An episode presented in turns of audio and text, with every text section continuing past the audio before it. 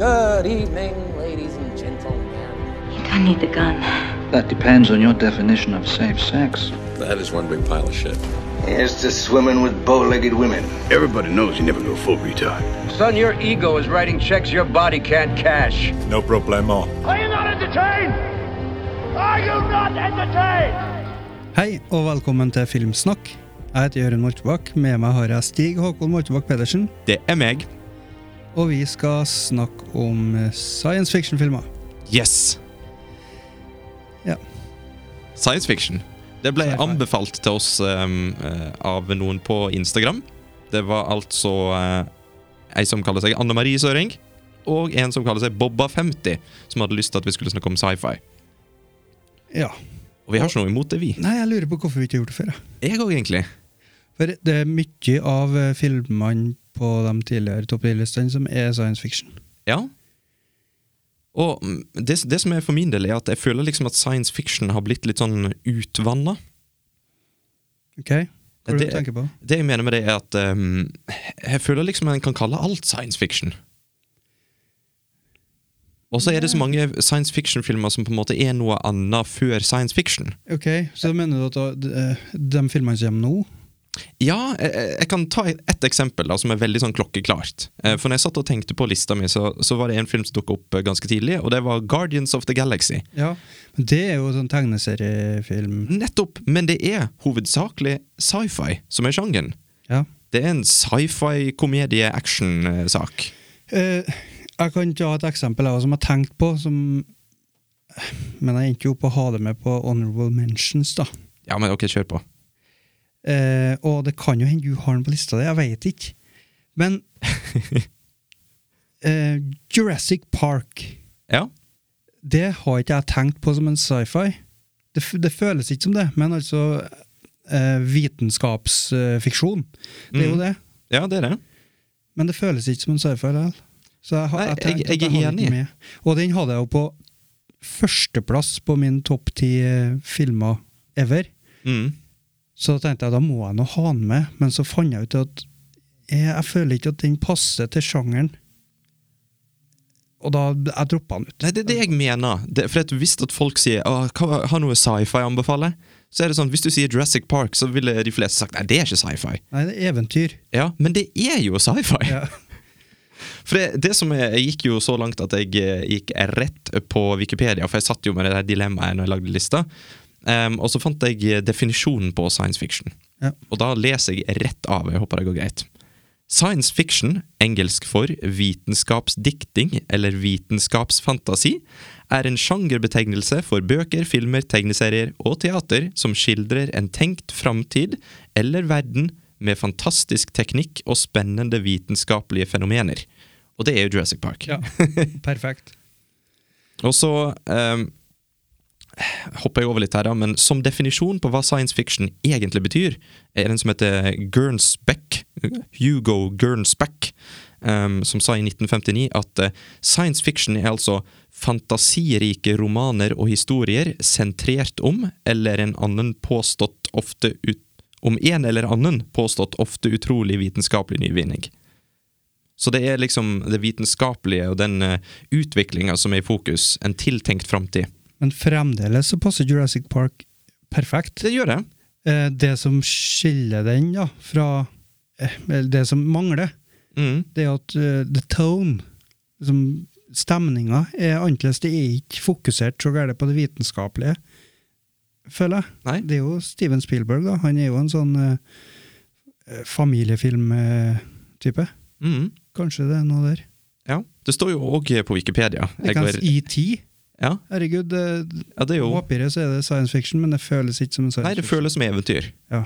Det er liksom en sånn det, det magiske pulveret, som jeg Ja. kaller det, til eh, Spielberg. Hva heter det der eh, Wonder Ja, sånn sense of wonder. Sense of Wonder? Eh, Det står jo på Wikipedia her at tidligere hadde Gernsback introdusert begrepet scienti scientifiction, eh, som han beskrev som historier som de Jules Verne, H.D. Wells og Edgar Allan Poe eh, skrev. Eh, Sjarmerende fortellinger blandet med vitenskapelige fakta og profetiske visjoner. Det er så spennende å høre på at du leser. Og for første gang høres det ut som du stotrer litt. Ja, jeg, jeg gjør det, men altså, det står veldig stotrete, for det står sånn prikk, prikk, prikk. Sjarmerende fortelling, Prikk, prikk. For at det er tatt. Men hva kan vi ta Ut ut fra- ifra det du har lest her nå? Jeg, jeg, jeg vil lese den siste biten først, Jørund. Ja, er, er du klar? Og, og nå skal jeg prøve ikke å stotre, til og med. Er du klar? Ja. Eh, Gernsback og andre mente i senere år at begrepet science fiction var blitt utvannet ved at det ble- brukt også om historier som inneholdt pseudovitenskap og fantasi. Dette førte til en lang og resultatløs debatt om avgrensningen mellom science fiction og fantasy, og forsøk på å introdusere nye begreper som speculative fiction, science fantasy, fabelprosa osv. Så, så han Gernsback han var sur han for at de drev og vanna ut eh, greiene hans. Ja. Han mente at det måtte flere kategorier til Ja, for å beskrive alt. Det er ikke Mm. alt som passer inn i science fiction. nei, for jeg, har jo et veldig godt eksempel på det. Um, som jeg, jeg tror ikke du har den på lista di. Det, det vil ikke jeg tro. Uh, og det er jo Star Wars. Ja, jeg har ikke med det. For det, det var jo noe av det første jeg òg tenkte på. Sci-fi. Den fant jeg på når jeg googla sci-fi-filmer. Ja. Så fant jeg den på i hvert fall ei liste. Og det syns jeg er bullshit. Okay. Fordi Er det fantasy? det, det er rein fantasy. Okay. For det, det handler ikke om teknologiske framskritt og en mulig framtid og vitenskap i framtida. Det, det har ingenting mer å gjøre. Dette er jo uh, in a galaxy far, far away, så det er ikke i vår galakse engang. A long time ago. Ja. Og- og det- Nei, jeg, jeg er med på den. Og det er jo i bunn og grunn et eventyr. Likens uh, superheltfilmer føler jeg er superheltfilmer, ikke science fiction. Ja. Det tenker jeg òg. Så, så jeg har jo ekskludert alt av superheltfilmer fra lista mi. Ja, det, Jeg tenkte ikke på det engang. Og det kom ikke opp når jeg søkte på sci-fi-filmer heller. Mm. Så det tror jeg verden er klar over. Ja, for et, en superheltfilm det er, jo, det er jo egentlig ikke en sjanger. Men, men du kan jo gruppere alle under, under samme paraply, hvis det er lov å si. Det er lov å si. Takk. Nei, skal vi bare svinge i gang med listene, da, så tar vi honorable mentions etter at vi har tatt lista. Sånn at vi ikke risikerer noen spoileros. Eh, ja, jeg føler det var noe mer jeg skulle si, men eh, får nå vel snakke likevel, tenker jeg. Ja, det er god tid til å snakke, Jørund. Eh, Tiendeplass. Ja. Oi. Der har jeg en film som heter Edge of Tomorrow Hoi sann! fra 2014, regissert av Doug Liman. Ja. Lyman. Jeg tror det er Lyman. Det er med Tom Cruise. Og hva heter det? Emily Blunt. Emily Blunt, ja. Flott dame. Og det er en time loop-film, Mm. som er hva, Det er jo Er det den der en eh, he, Heter den Hedgehog Day? Nei. Hedgehog Hva heter det? Groundhog Day? Groundhog! Blanda med hedgefond. Det er alltid like gøy å snakke. Eh, hva, men eh, er det den som er liksom første timeloop-filmen? Det er den som på en måte Det føles som den har æren for det. Ja, jeg tror den pleier å få æren for det. Om det er noe før det, vet jeg ikke. Nei, det er jeg veldig usikker på. Men da sier vi det. Mm. Og, eh, men det kommer noe sånn Nå og da kommer det sånne filmer. Den, eh, vi snakka om den forrige podkast med søstera di, skrekkpodkasten. Ja. Eh, Happy Death Day. ja, den har jeg fortsatt lyst til å se. Jeg så den etterpå. Jeg så det på Letterboxd. Jeg så det at du hadde sett uh, Happy Death Day to You. Og Happy Death Day. Å, du så begge to? Ja, Ok. sånn uh, suksessivt. Altså Happy Ja. Death Day først, og så kvelden etterpå Happy Death Day to you. Mm. Kjente jeg ble litt mett av det da, Ok. men uh, det, du må se det, jo. Ja, for at det det, er jeg, ok. Fellesbetegnelsen for sånne her eh, loop-dag-filmer, Mm. det er jo at jeg har en tendens til å elske alle sammen. okay. Har du noen flere eksempler? Nei. Okay. Ja, vi har jo den filmen som jeg har mast om å se, som du har sett, men som jeg ikke har sett ennå. Som Ja, ja. heter Palm Springs. Ja. Og den sa du var kjempebra. Mm. Og jeg har fortsatt kjempelyst til å se den. Det har blitt litt, litt for lite film på meg i det siste. Det må jeg skjerpe meg på. Ja. er se noen filmer i helga. Jeg har masa skikkelig på deg om å se den, Ja. men du blånekta for du skulle se den oppe med Monica. ja, jeg lovte Monica at vi skulle se den sammen, for det er jo en sånn film som hun hadde tålt. Det er ikke så mye hun tåler. Og jeg ga meg til slutt. ja. Jeg, jeg kjørte steinhardt, for jeg ville se den, og jeg tatt meg noen øl. Vi skulle se film. Men jeg ga meg. Og så skulle vi se den, jeg og du og Monica og søster di. Ja. Og så ble det avlyst, yep. fordi at eh, Monica og søster di fant ut at de skulle gjøre noe annet. Ja. Rett før det. Trist. Og da fikk ikke vi se den da. Hva er det som er gøyere enn disse film? Jeg skjønner ingenting. Jeg.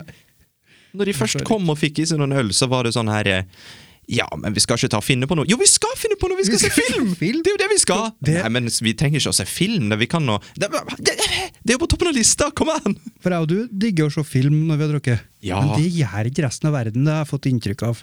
Alle filmer blir jo bedre med litt innabords. Ja. Yes, men uh, Edge, det var Edge of Tomorrow. Edge på of min Tomorrow, ja. Tiendeplass. Den handler da om Ja, ja, ja si det. Uh, Tom Cruise.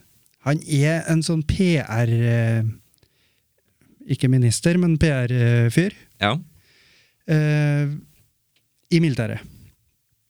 Men så blir det noe tumulter som gjør at han eh, blir sendt ut i krig i stedet. For det er da og Nå må jeg gå tilbake litt. For det, det har vært en alien invasion, sjølsagt. Uh, og så er det et stort slag. da, og Tom Cruise han ender opp med, og han, skal, han er jo egentlig ikke soldat, men han blir sendt til frontlinja da, for å være med i den krigen. Og det har han veldig lite lyst til. Og så ja, er det jo en timeloop, da, så vi kan jo se for oss at han, han dør mange, mange ganger. Ja. Den heter jo originalt Live, Die, Repeat, ja, veldig, veldig forvirrende. så den er en av de filmene som har bare to titler. Edge of Tomorrow og Live, Die, Repeat. Ja, for Så vidt jeg eh, husker, så gjorde den det ganske dårlig. Ok? Tror jeg. På, og, Jeg elska filmen fra første gang jeg så den. Samme Jeg, her! jeg digga den så hardt, og jeg har sett meg lei av den. For det har skjedd den så mange ganger. Jeg så den Jeg skulle teste anlegget, og så så jeg at eh, ah, den var billig på iTunes Movies. Så kjøpte den, og så endte jeg opp med å se hele skiten. Og glemte å teste anlegget for det jeg skulle gjøre. Jeg skulle gjøre noen sånne konfigureringer. Eh, og etter det så så jeg en time behind, behind the scenes. Og da, da uh, sperrer jeg øynene opp, altså, for at uh, både regissøren og Tom Cruise og gjengen de er jo klin eh, galne. Ok? På en god måte, altså. Han der Regissøren hadde jo satt opp sånn tennisbane, så han drev og trente tennis mellom eh, sett og greier. Og Tom Cruise han tok jo føringa, og alle de andre skuespillerne sa at eh, vi, vi måtte bare gjøre det, for de maskinene de har på seg i filmen, tung, var tunge som F. Men de sa at de måtte bare gjøre det, for Tom Cruise gjorde det. Ja. Han gjorde alt sammen, han kjørte bare på. Jeg tror ikke det er lurt å gjøre det samme som Tom Cruise gjør. Nei, henge på fly og Du har ikke like bra forsikring. Ja, men det er derfor han er levende legende. Ja. Det, det Scientologi eller ikke, han, han er bare Han er Tom Cruise, han. Han, han har lov. Er det én person her i verden som har lov, så er det Tom Cruise. Hvis uh, filmen har vært like bra hele veien gjennom Mm. som den er til meste til slutten, Ja. så har den vært på førsteplass. Men siste del av filmen, uh, den faller gjennom litt hos meg. Det blir litt sånn Sånn som det er noen ganger, at det er mørkt, altså fysisk mørkt, ikke Mm. stemning. ja. Eh, og så er det vanskelig å se hva som skjer. Mm. Og så er det litt sånn standard greie, da.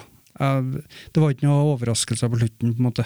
Jeg er helt enig. Og en påstifta sånn ah, vi må ha en sånn slutt, så vi bare gjør det sånn, uten at det egentlig gir så gærent mye mening. Ja, for filmen er veldig annerledes helt til siste akt. Og da, Ja, da, da føler jeg at Da kjører de samme støpeform som eh, i Ja. mange andre filmer. da, da kunne det vært en annen film for min del. Ja. Det var visst at eh, For jeg tror det gikk sånn fire-fem år mellom første og andre gang jeg så den. eller sånt. Mm. Uh, og hvis jeg hadde satt på TV-en, og den var i sluttsekvensen uten å vise Tom Cruise, så hadde jeg ikke trodd det var den filmen. Nei. For at det jeg husker, er det kule som skjedde i to tredjedeler i starten. Ja. Det, ja. Da er vi enige. Vi er faktisk helt enige. Hva har du på din tiendeplass? Min tiendeplass, det er altså mitt første wildcard for dagen. Okay. For det må jeg bare si. At eh, lista mi er satt opp på en sånn måte at jeg har lyst til å snakke om andre filmer enn jeg nødvendigvis har snakket om før. Um, og noen eh, kjente fjes er det her, men denne her er ikke kjent. Eh, det er altså en film som du eh, fikk meg til å se. For du var litt fascinert av den, for vi var jo en gang i tiden unge, vordende filmskapere. filmskapere. -hmm. Og da viste du meg en film som heter Primer. Husker du det? Ja, det husker jeg. Ja, Det er en film fra 2004 eh, av Shane Carruth, som både spiller hovedrolla og har regissert den. Skikkelig indie-film. Ja. Men han bestemte seg da for å ikke bare lage en, en slasherfilm, sånn som de fleste gjør, for at det er enkelt og billig. Han lagde da en Crazy Town sci-fi tidsreisefilm. Ja. Og eh, det, det er liksom sånn jeg, jeg, må, jeg måtte forfriske meg litt. Så traileren, husker ikke noe mer av den. og så begynte jeg å lese anmeldelser, og da fikk jeg liksom eh, Ja, nå husker jeg her. For den er veldig uforståelig. Mm. Veldig uforståelig. Jeg husker det var masse matematikk, og det er en sånn film som ikke holder deg i hånda i det hele tatt. Den krever litt, ja. Ja, for i de fleste filmer, altså, det har vi snakket om før, det er som regel hvis du skal forklare tidsreise, så tar de opp et ark, bretter det i to, penna rett igjen. penn rett gjennom. Det er tidsreise. Mm. Og da, da sitter du som seer og tenker aha, jeg skjønner, jeg, skjønner jeg, jeg kan tidsreise. Men i denne filmen her så vi- snakker de i matematiske formler, så du bare detter helt av. Men det er greit, for det føles mer autentisk. Det føles nesten som at faen da, og så han, han fant ut koden bak tidsreise, og så lagde han bare film. det er liksom sånn, det kunne vært ekte. Jeg vet da faen, jeg har ikke peiling. Så jeg, jeg, kan, jeg kan si bitte litt om handlingen, da, men det handler jo om, om to gode venner som er også sånn forskere sammen. Som er litt sånn oppfinnere som har lyst til å finne opp de nye, kule greiene. Og så husker jeg ikke nødvendigvis hva det var de prøvde å finne opp, men det som skjedde, var jo at de fant opp en maskin som kan eh, gjøre at du kan reise i tid. Og da, Filmen handler egentlig i hovedsak om vennskapet deres og hva de går gjennom etter oppfinnelsen. Mm. Og den, det, det er en sånn fin liten film. Jeg tror det var 71 minutter den var, så det, det, den er fort, fort over. Og du sitter der med et spørsmålstegn i panna og bare Jeg vet ikke helt hva jeg så, men det var bra. Og budsjettet var 7000 dollar. Så det er jo Ja, det er jo ingenting. Nei. Ja, det var jo Hvor vi skal Blir det 70 000 kroner, eller? Ja, vi kan si sånn ish 70 000. Og det, det er jaggu lite for en film, altså. I hvert fall Ja. eh, for, eh, Altså, den filmen her kom jo ut i 2004. Og da, da var det liksom ikke du, du var ikke like bortskjemt på kamerafronten som du er nå, for å si det sånn. Ja, for fem millioner dollar er jo lavbudsjett. ja. Så eh, 7000 dollar, Mm, da snakker vi en som får melka budsjettet bra. ja. For når du viste meg den filmen her, så var vi jo så hypp på å lage film sjøl. Og da var det jo sånn at bare det å, å se hva noen har fått til, og han fikk venner og familie til å spille alle rollene, og spilte hovedroller sjøl, sjøl om han var regissør, og det var liksom sånn Han har virkelig satt pengene til godt bruk. Mm. Det er passion. Det er passion. Ja, men det var fin uh, Fin tiendeplass. Det var Jeg passion. Jeg tenkte å ha med den, jeg òg, men jeg hadde ikke med fordi det er så lenge siden jeg har sett den. Mm. Og som du egentlig var inne på, jeg har ikke sjans til å begynne å forklare hva det gikk ut på. Klarer å hente opp det igjen, det går ikke, tenkte jeg. Så jeg bare Nei, og det, det var litt for meg, sånn for meg òg at jeg tenkte Hva var den der filmen jeg så med Jørund igjen? Det var sånn, Jeg husker jeg så noe med deg, men jeg husker ikke helt hva det var. Ok, skal vi gå på min niende? Yes. Vi holder oss på Tom Cruise. Oi!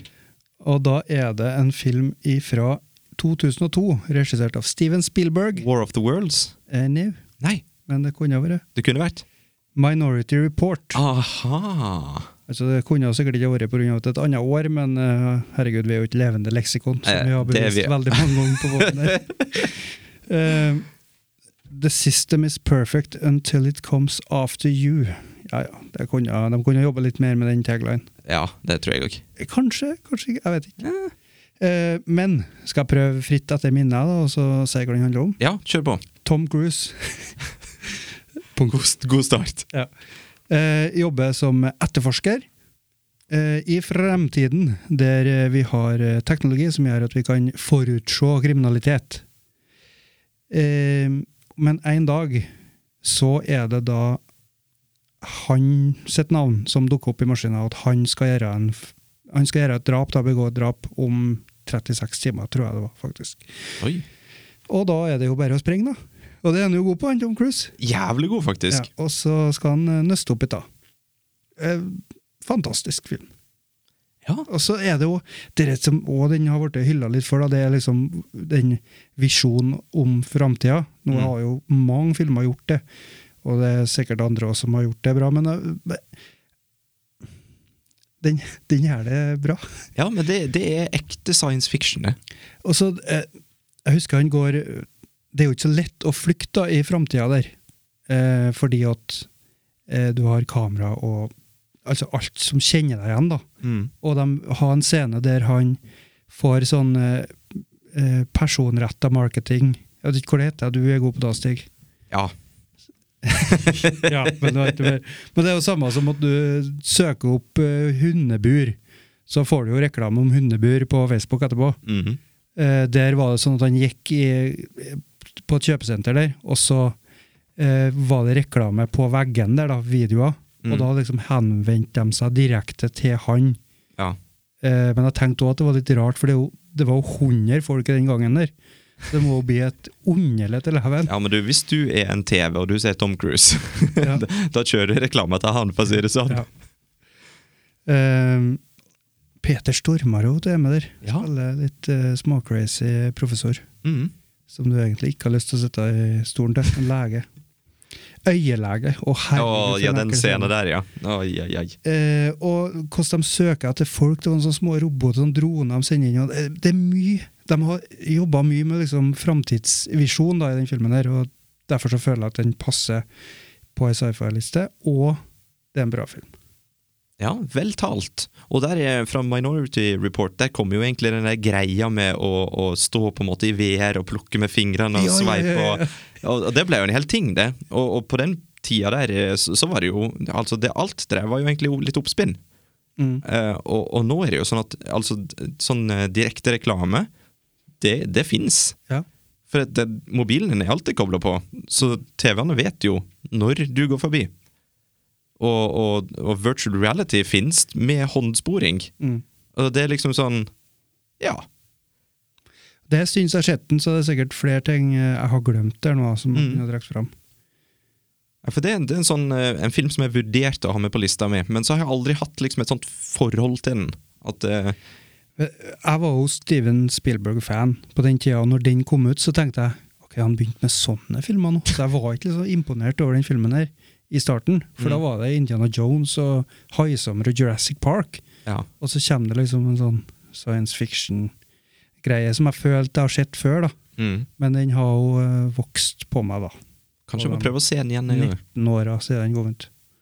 Ja, vi må prøve det. 19 år! 2002, var ikke det? Herregud, nå følte jeg meg gammel. Ja, du er gammel. You're old! Ouch!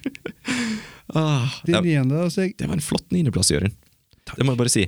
Da kommer vi til mitt andre wildcard, for da Nesten bare wildcards i dag. Uh, min nomini er District 9. Oi, jeg har tenkt på den, men mm. Jeg skal ikke overse det.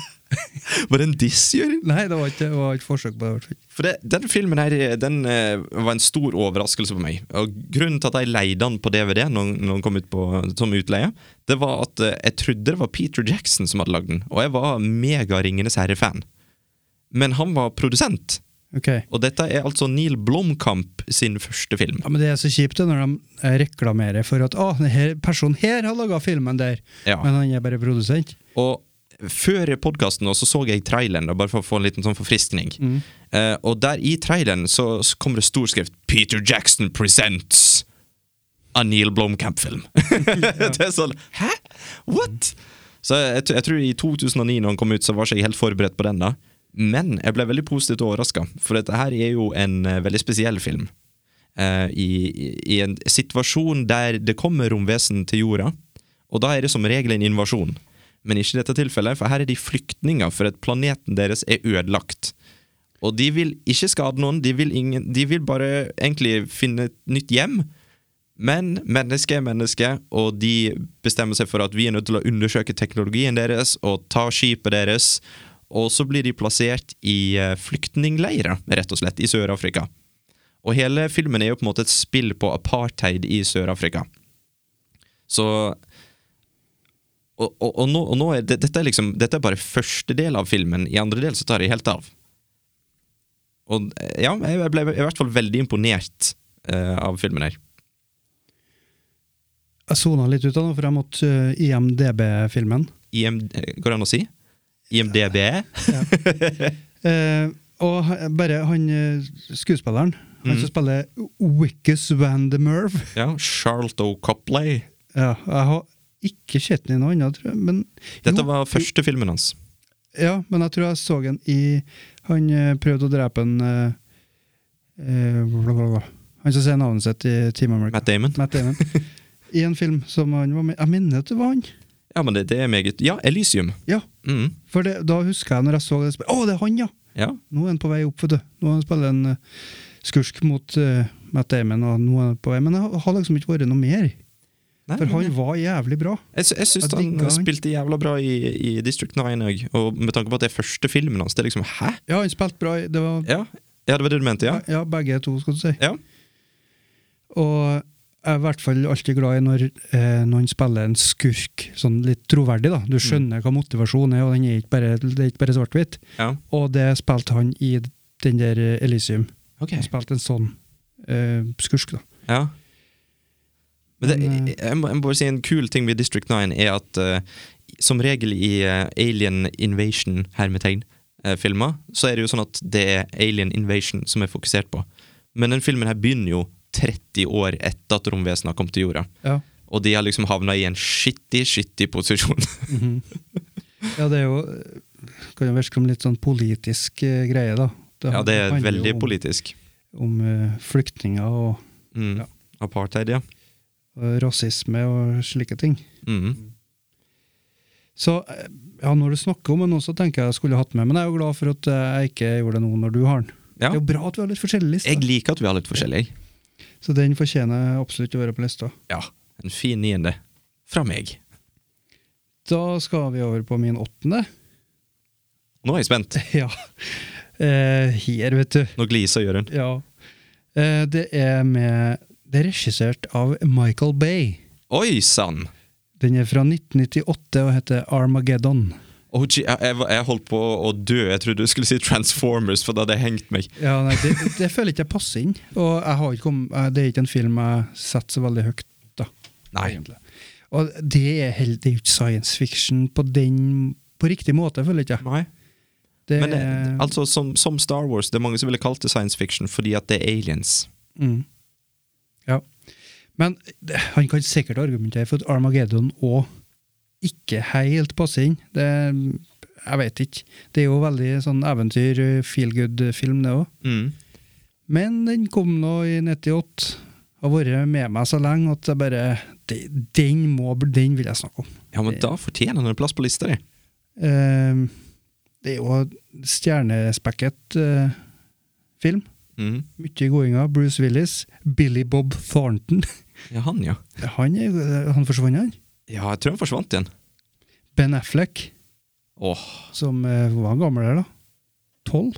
Eh, Tidlig 20-åra, i hvert fall. 98. Han er født i 72. Rekker den fort. nei. Eh, 26 år. Jeg har skrudd av kalkulatoren, er helg. 26 år. Eh, Dater dattera til Bruce Willis. Det er jo lurt. Det er aldri lurt. Liv Tyler. Uh, Will Patten. Han òg er Hva var med han? Gone in 60 Seconds. Han er en sånn fyr som jeg alltid ser navnet på på gamle filmer, men som jeg aldri husker trynet på. Steve Buscemi. Ja. Uh, William Fichtner. Eh, han I Dark Night, når, den, når banken blir rana helt i starten, første scene, okay. så er det han som prøver å skjøte jokeren med hagle. Han som skal stoppe dem, som liksom eier banken og sier at uh, ja, forbrytere har tapt seg så gærent. Før så var det ære og greier. Husker ikke han? Nei, ikke i det hele tatt, men det er liksom der karrieren hans havna. FBI-agenten i uh, eh, Prison Break. Ja! Sesong to. Nei, men er det han? Ja, du, Jørund, vis meg et bilde. Jeg vet at det ikke er så luftvennlig, men vis meg et bilde. For at hvis det er han Ja, du vet. Ja, du, Jørund! Jørund! Han der elsker jo! Ja, jeg elsker jo han! Han er digg. Han, han er å finne på lista mi! Wink, wink. Ja. Uh, var med hit òg, vet du. Og var med i Elysium òg. Oi, oi. Nå må ikke du lese alle filmene, da ser du min, uh, min. Sorry. Uh, men plottet i Armageddon er jo eh, nydelig tynt. Ja, det, Det er vakkert. Eh, vi, vi møter en gjeng oljearbeidere. Blir kjent med dem. Eh, finner ut at eh, Som sagt, han Ben Affleck dater dattera til eh, Bruce Willis. Og Oh, personlig drama. Ja, ja, han sprenger litt etter han og skjøt med gevær etter noe sånt. For, så vi skjønner at han er litt crazy. Ja, litt, litt, badass. litt Det er sånn. passion, det er crazy. Det er det vi vil ha. Det er basically Bruce Willis. Og så er det jo et kobbel med kompiser der, da. Eh, Blant dem jeg leste opp i stad. Det er jo sånne eh, typecast, altså sånne karakterer. Veldig mandige mannfolk. Steve Buscemi, sant? Du vet jo hvordan veit hva man er, bare du ser den. Um, og så finner vi ut også at det er en asteroide på vei mot uh, jorda. Kollisjonskurs. Så hva kan oljearbeidere ha med det å gjøre, tenker du? Jo, det skal jeg fortelle. De skal sendes opp til dit, til kometen. Og så, så skal de bore høl i den, så de kan slippe bombe nedi. Og sprenge den. Og det fagfeltet de fant ut da, at de måtte ha liksom i grunn, det var oljearbeider. Det er liksom boringa i denne prosessen. Å sende, å sende mennesker opp i verdensrommet, få dem til å lande på en asteroide, bore hull til bombe, ha ned i bomba og fare og sprenge den. De måtte ha en oljearbeider i bånn. Der måtte de begynne. Og så kunne de bare lære dem alt det andre. Eksempel det med å fly romskip og sånn. Ja, ja. For det, det tar du kurs på. Ja, ja. Det går fort. Men boring, Nei, det det, det må du ha i blodet. Så det er, det er vakkert. Du, det er nydelig. Da, kanskje vi bare nevner den kommentar...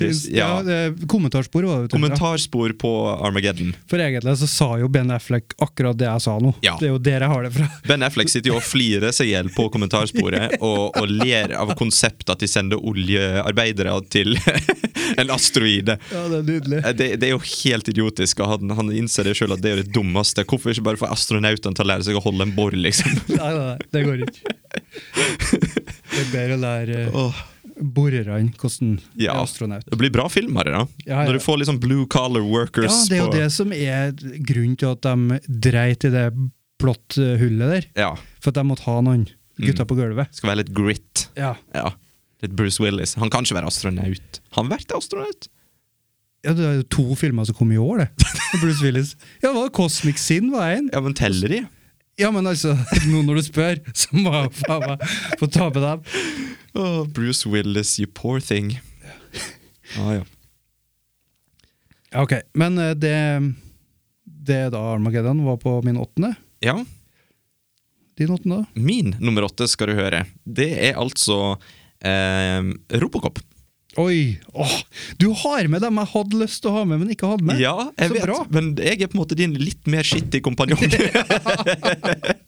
Du har med B-laget mitt. ja, faktisk. Det jeg lar ingen sitte på benken. uh, for, for jeg mener jo genuint at dette er jo en helt kongefilm. Den er altså fra 1987, mitt fødselsår. Uh, Regissert av Paul Verhoeven. Og det handler da altså om en politimann som er i en by med masse, masse vold, som heter Detroit. og, og dette er jo i nær framtid. Eh, og der er det sånn at han blir nemlig ekstremt voldelig drept på jobb. Helt ekstremt! Sånn hårreisende til dagens standard. Ja, ikke bare fysisk hår, men det er sånn Ikke mentalt, hvor er det?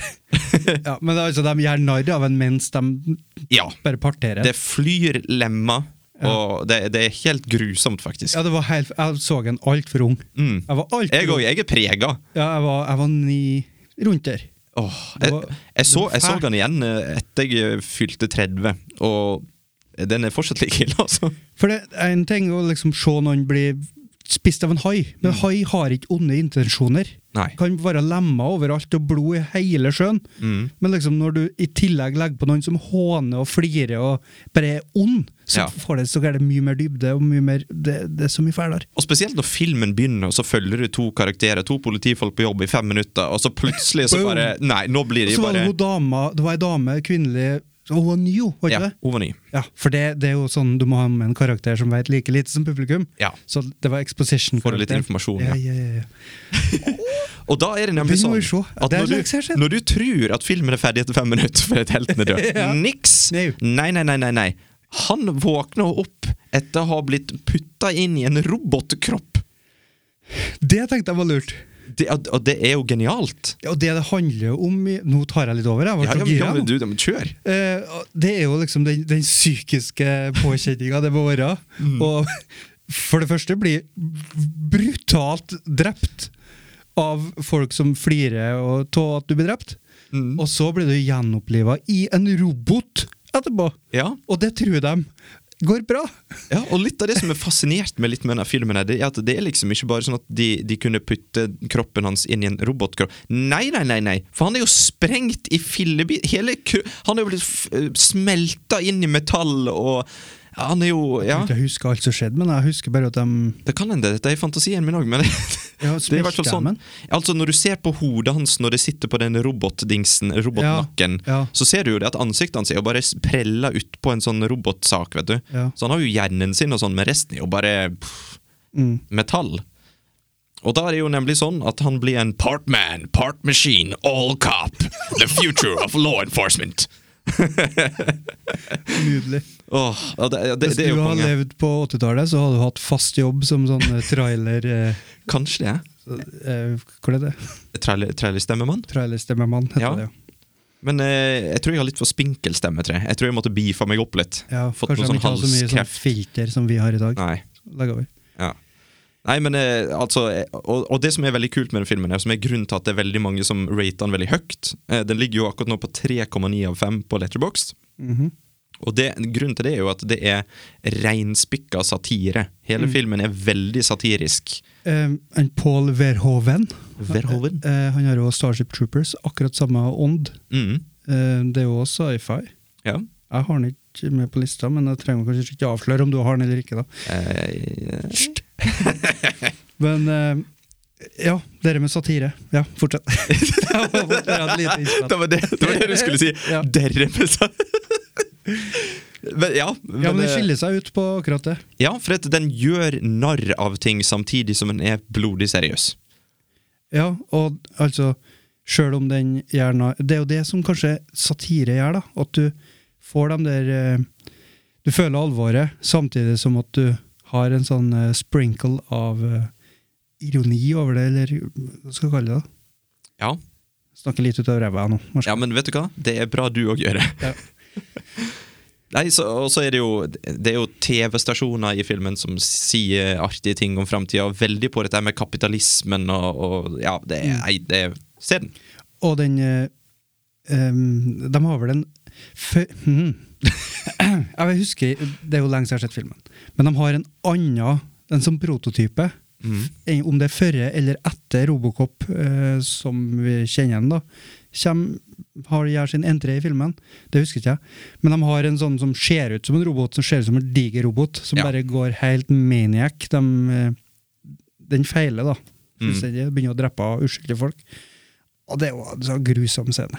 Mm. Samtidig som at den da sier litt om ja, forskjellige ting. Ja.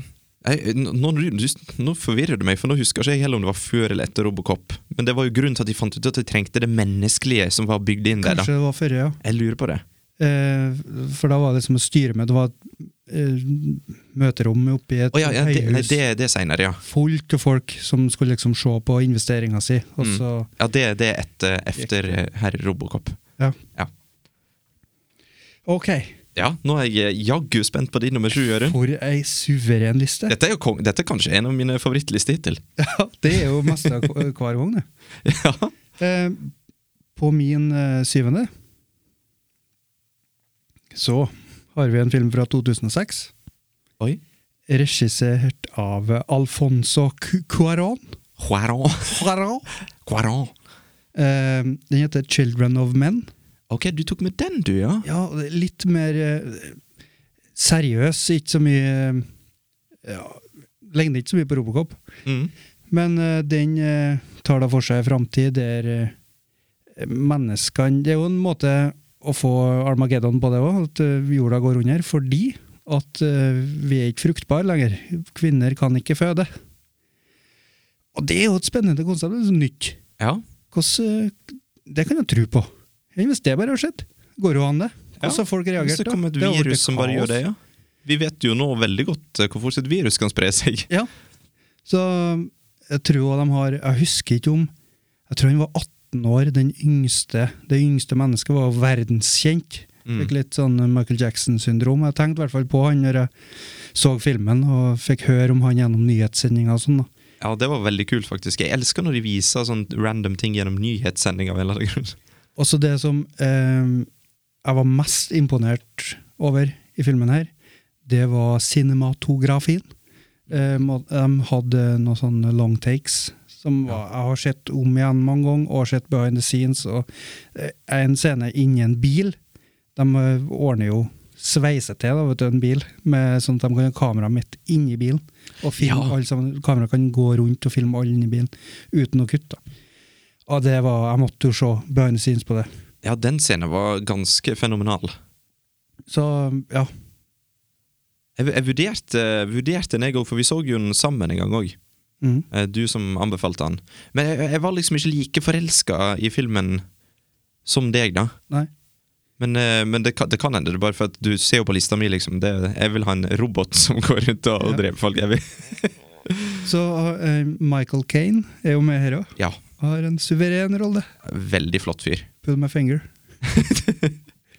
Sier han da i filmen. Ja. Eh, ja.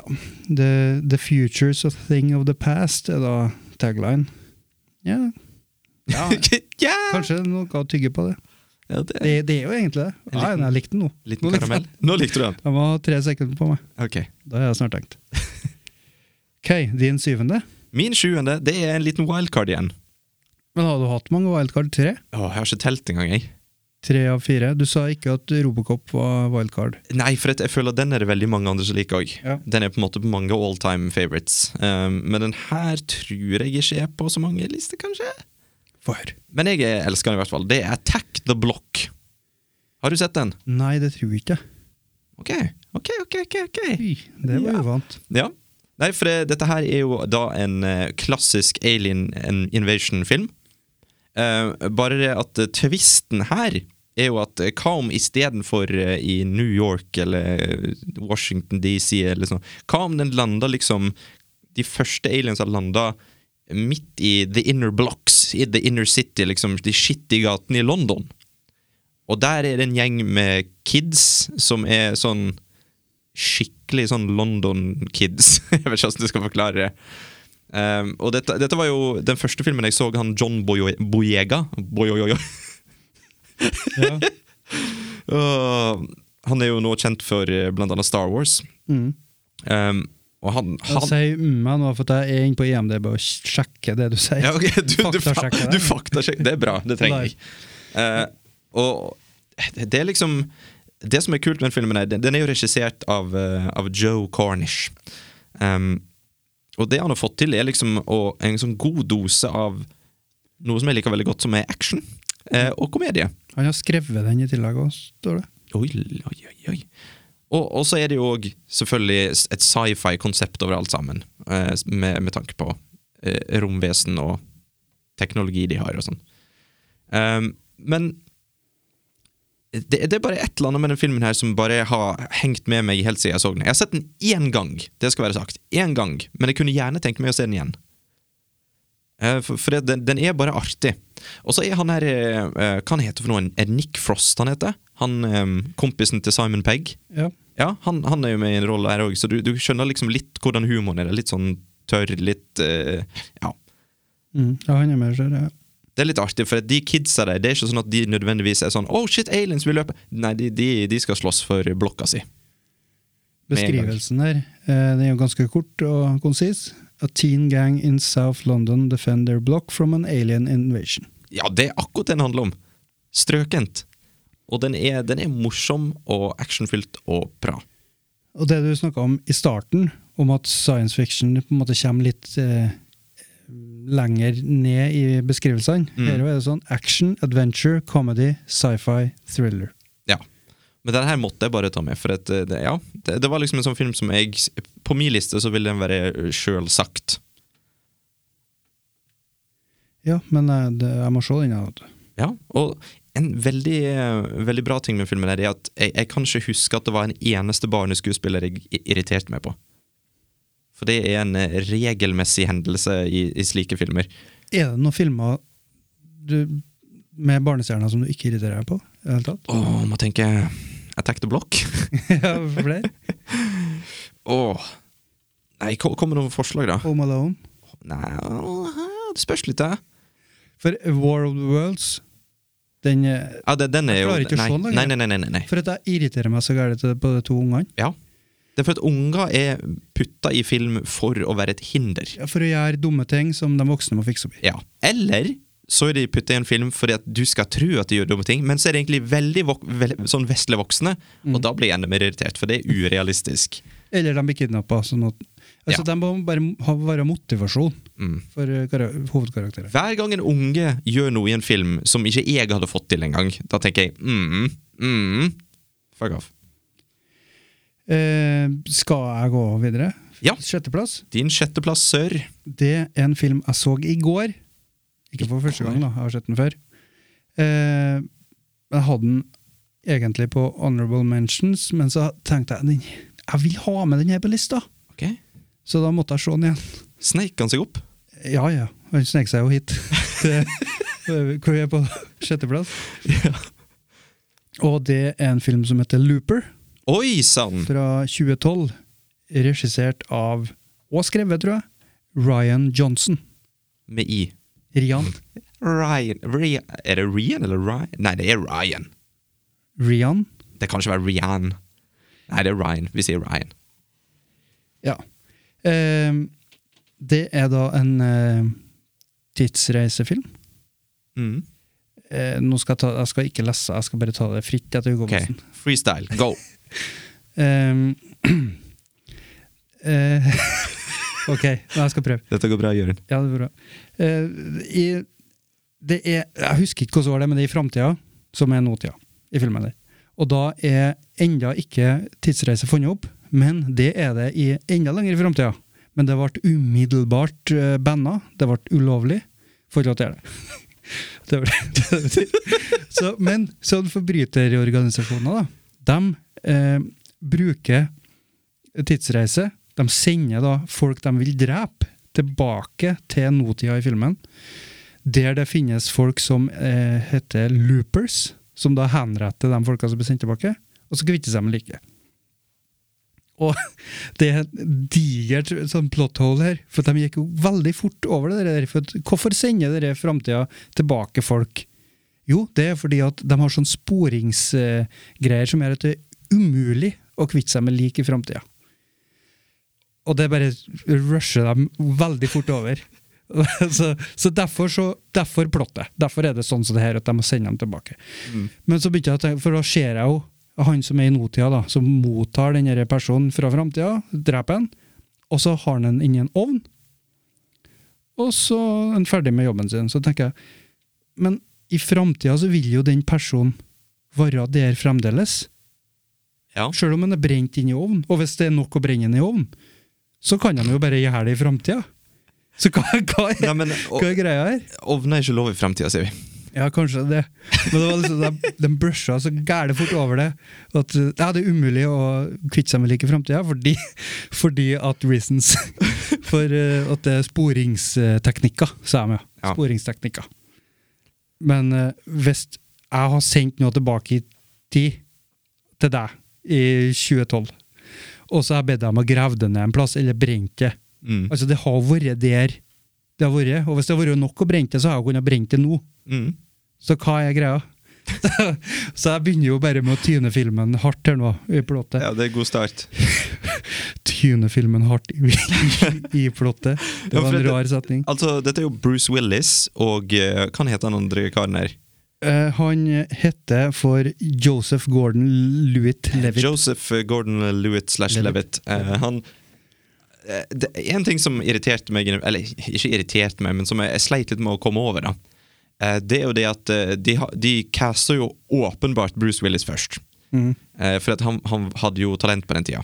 Eh, og så tenkte de hvem, hvem er det som ligner? Hvem kan spille Bruce Willis som yngre? Og så fant de ut at det er ingen som ligner på Bruce Willis. Så da tok de rett og slett og lagde en sånn prostetisk hake og smekka den i trynet på stakkars Joseph Gordon-Lewitt. Ja, for Joseph Gordon-Levitt han har jo veldig lite hake. Veldig lite. Veldig lite fjes. Veldig lite hake. Så eh, jeg kjente den jo ikke igjen første gangen jeg så filmen. Så jeg tenkte, hvem er det? Og så fant jeg ut etterpå. Men ja, det er veldig rart, men jeg syns det, det er greit. Ja, men Det ser så ukomfortabelt ut. Det ser sånn å hovne opp. Ja, det gikk over for meg ganske fort. Og så myser det litt, sånn som eh, Ja. Bruce Willis, og så er det Bare lat som du er Bruce Willis. Men herregud, det handler jo om tidsreise og et eh, åpenbart eh, sånn plott som bare Nei, vi bare De fikk ikke til å fjerne lik i framtida, så jeg må sende det tilbake.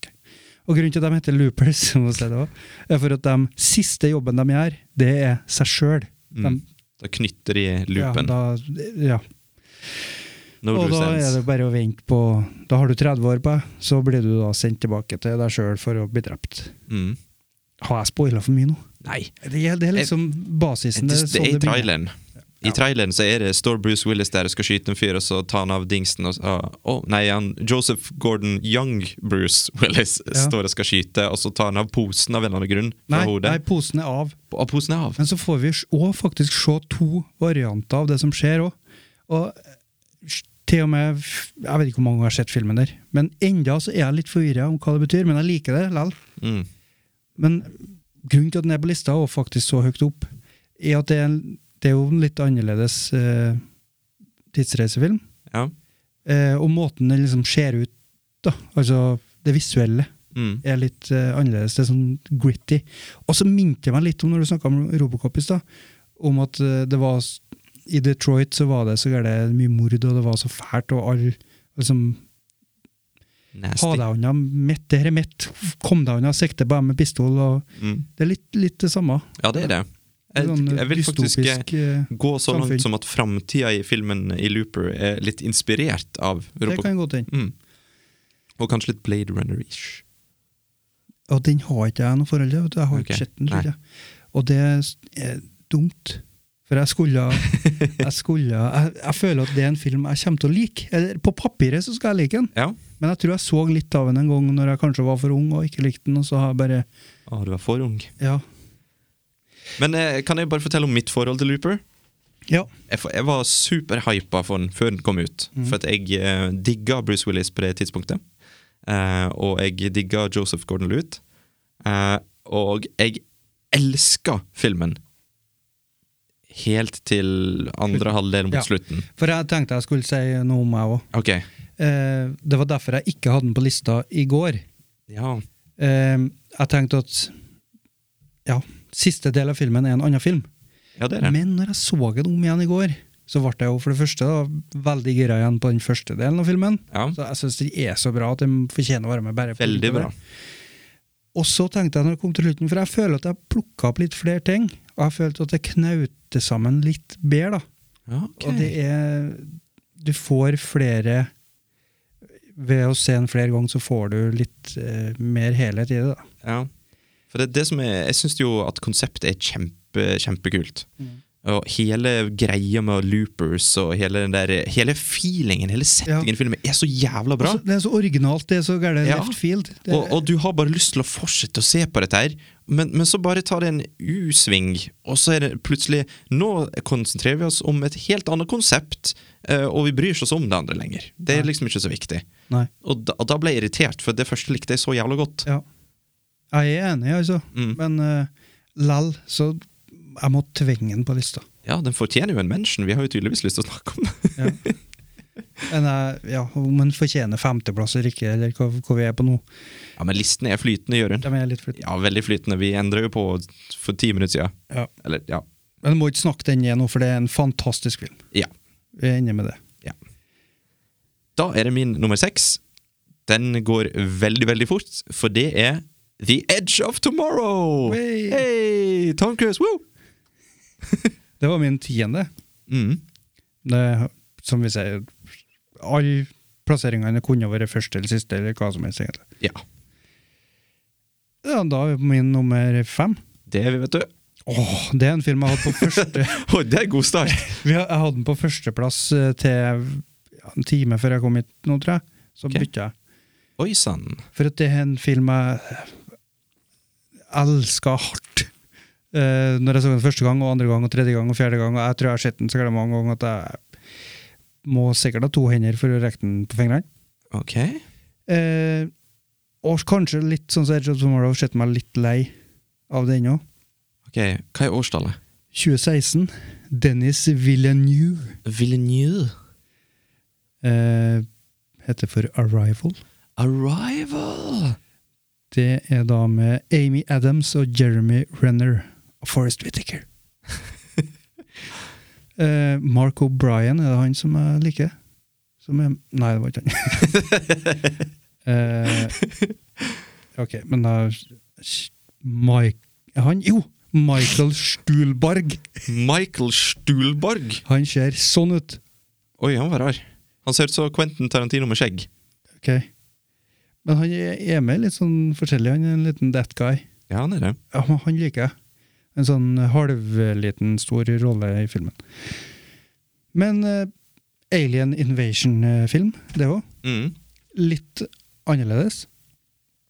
Um, fordi at det er da tolv romskip som bare lander på forskjellige plasser i verden. Og så lurer vi på hva i all verden er det de vil. Det er jo det vi lurer på, Arve. men svaret er jo som regel de vil drepe oss. Ja. Og ta Pokémon-kortene våre, eller hva som helst. da. Ikke ta Pokémon-kortet. Men eh, eh, måten de da skal kommunisere på det romvesenet, her, så må de jo finne noen som er profesjonell til å kommunisere. Og da er det Amy Adams som jobber og er professor.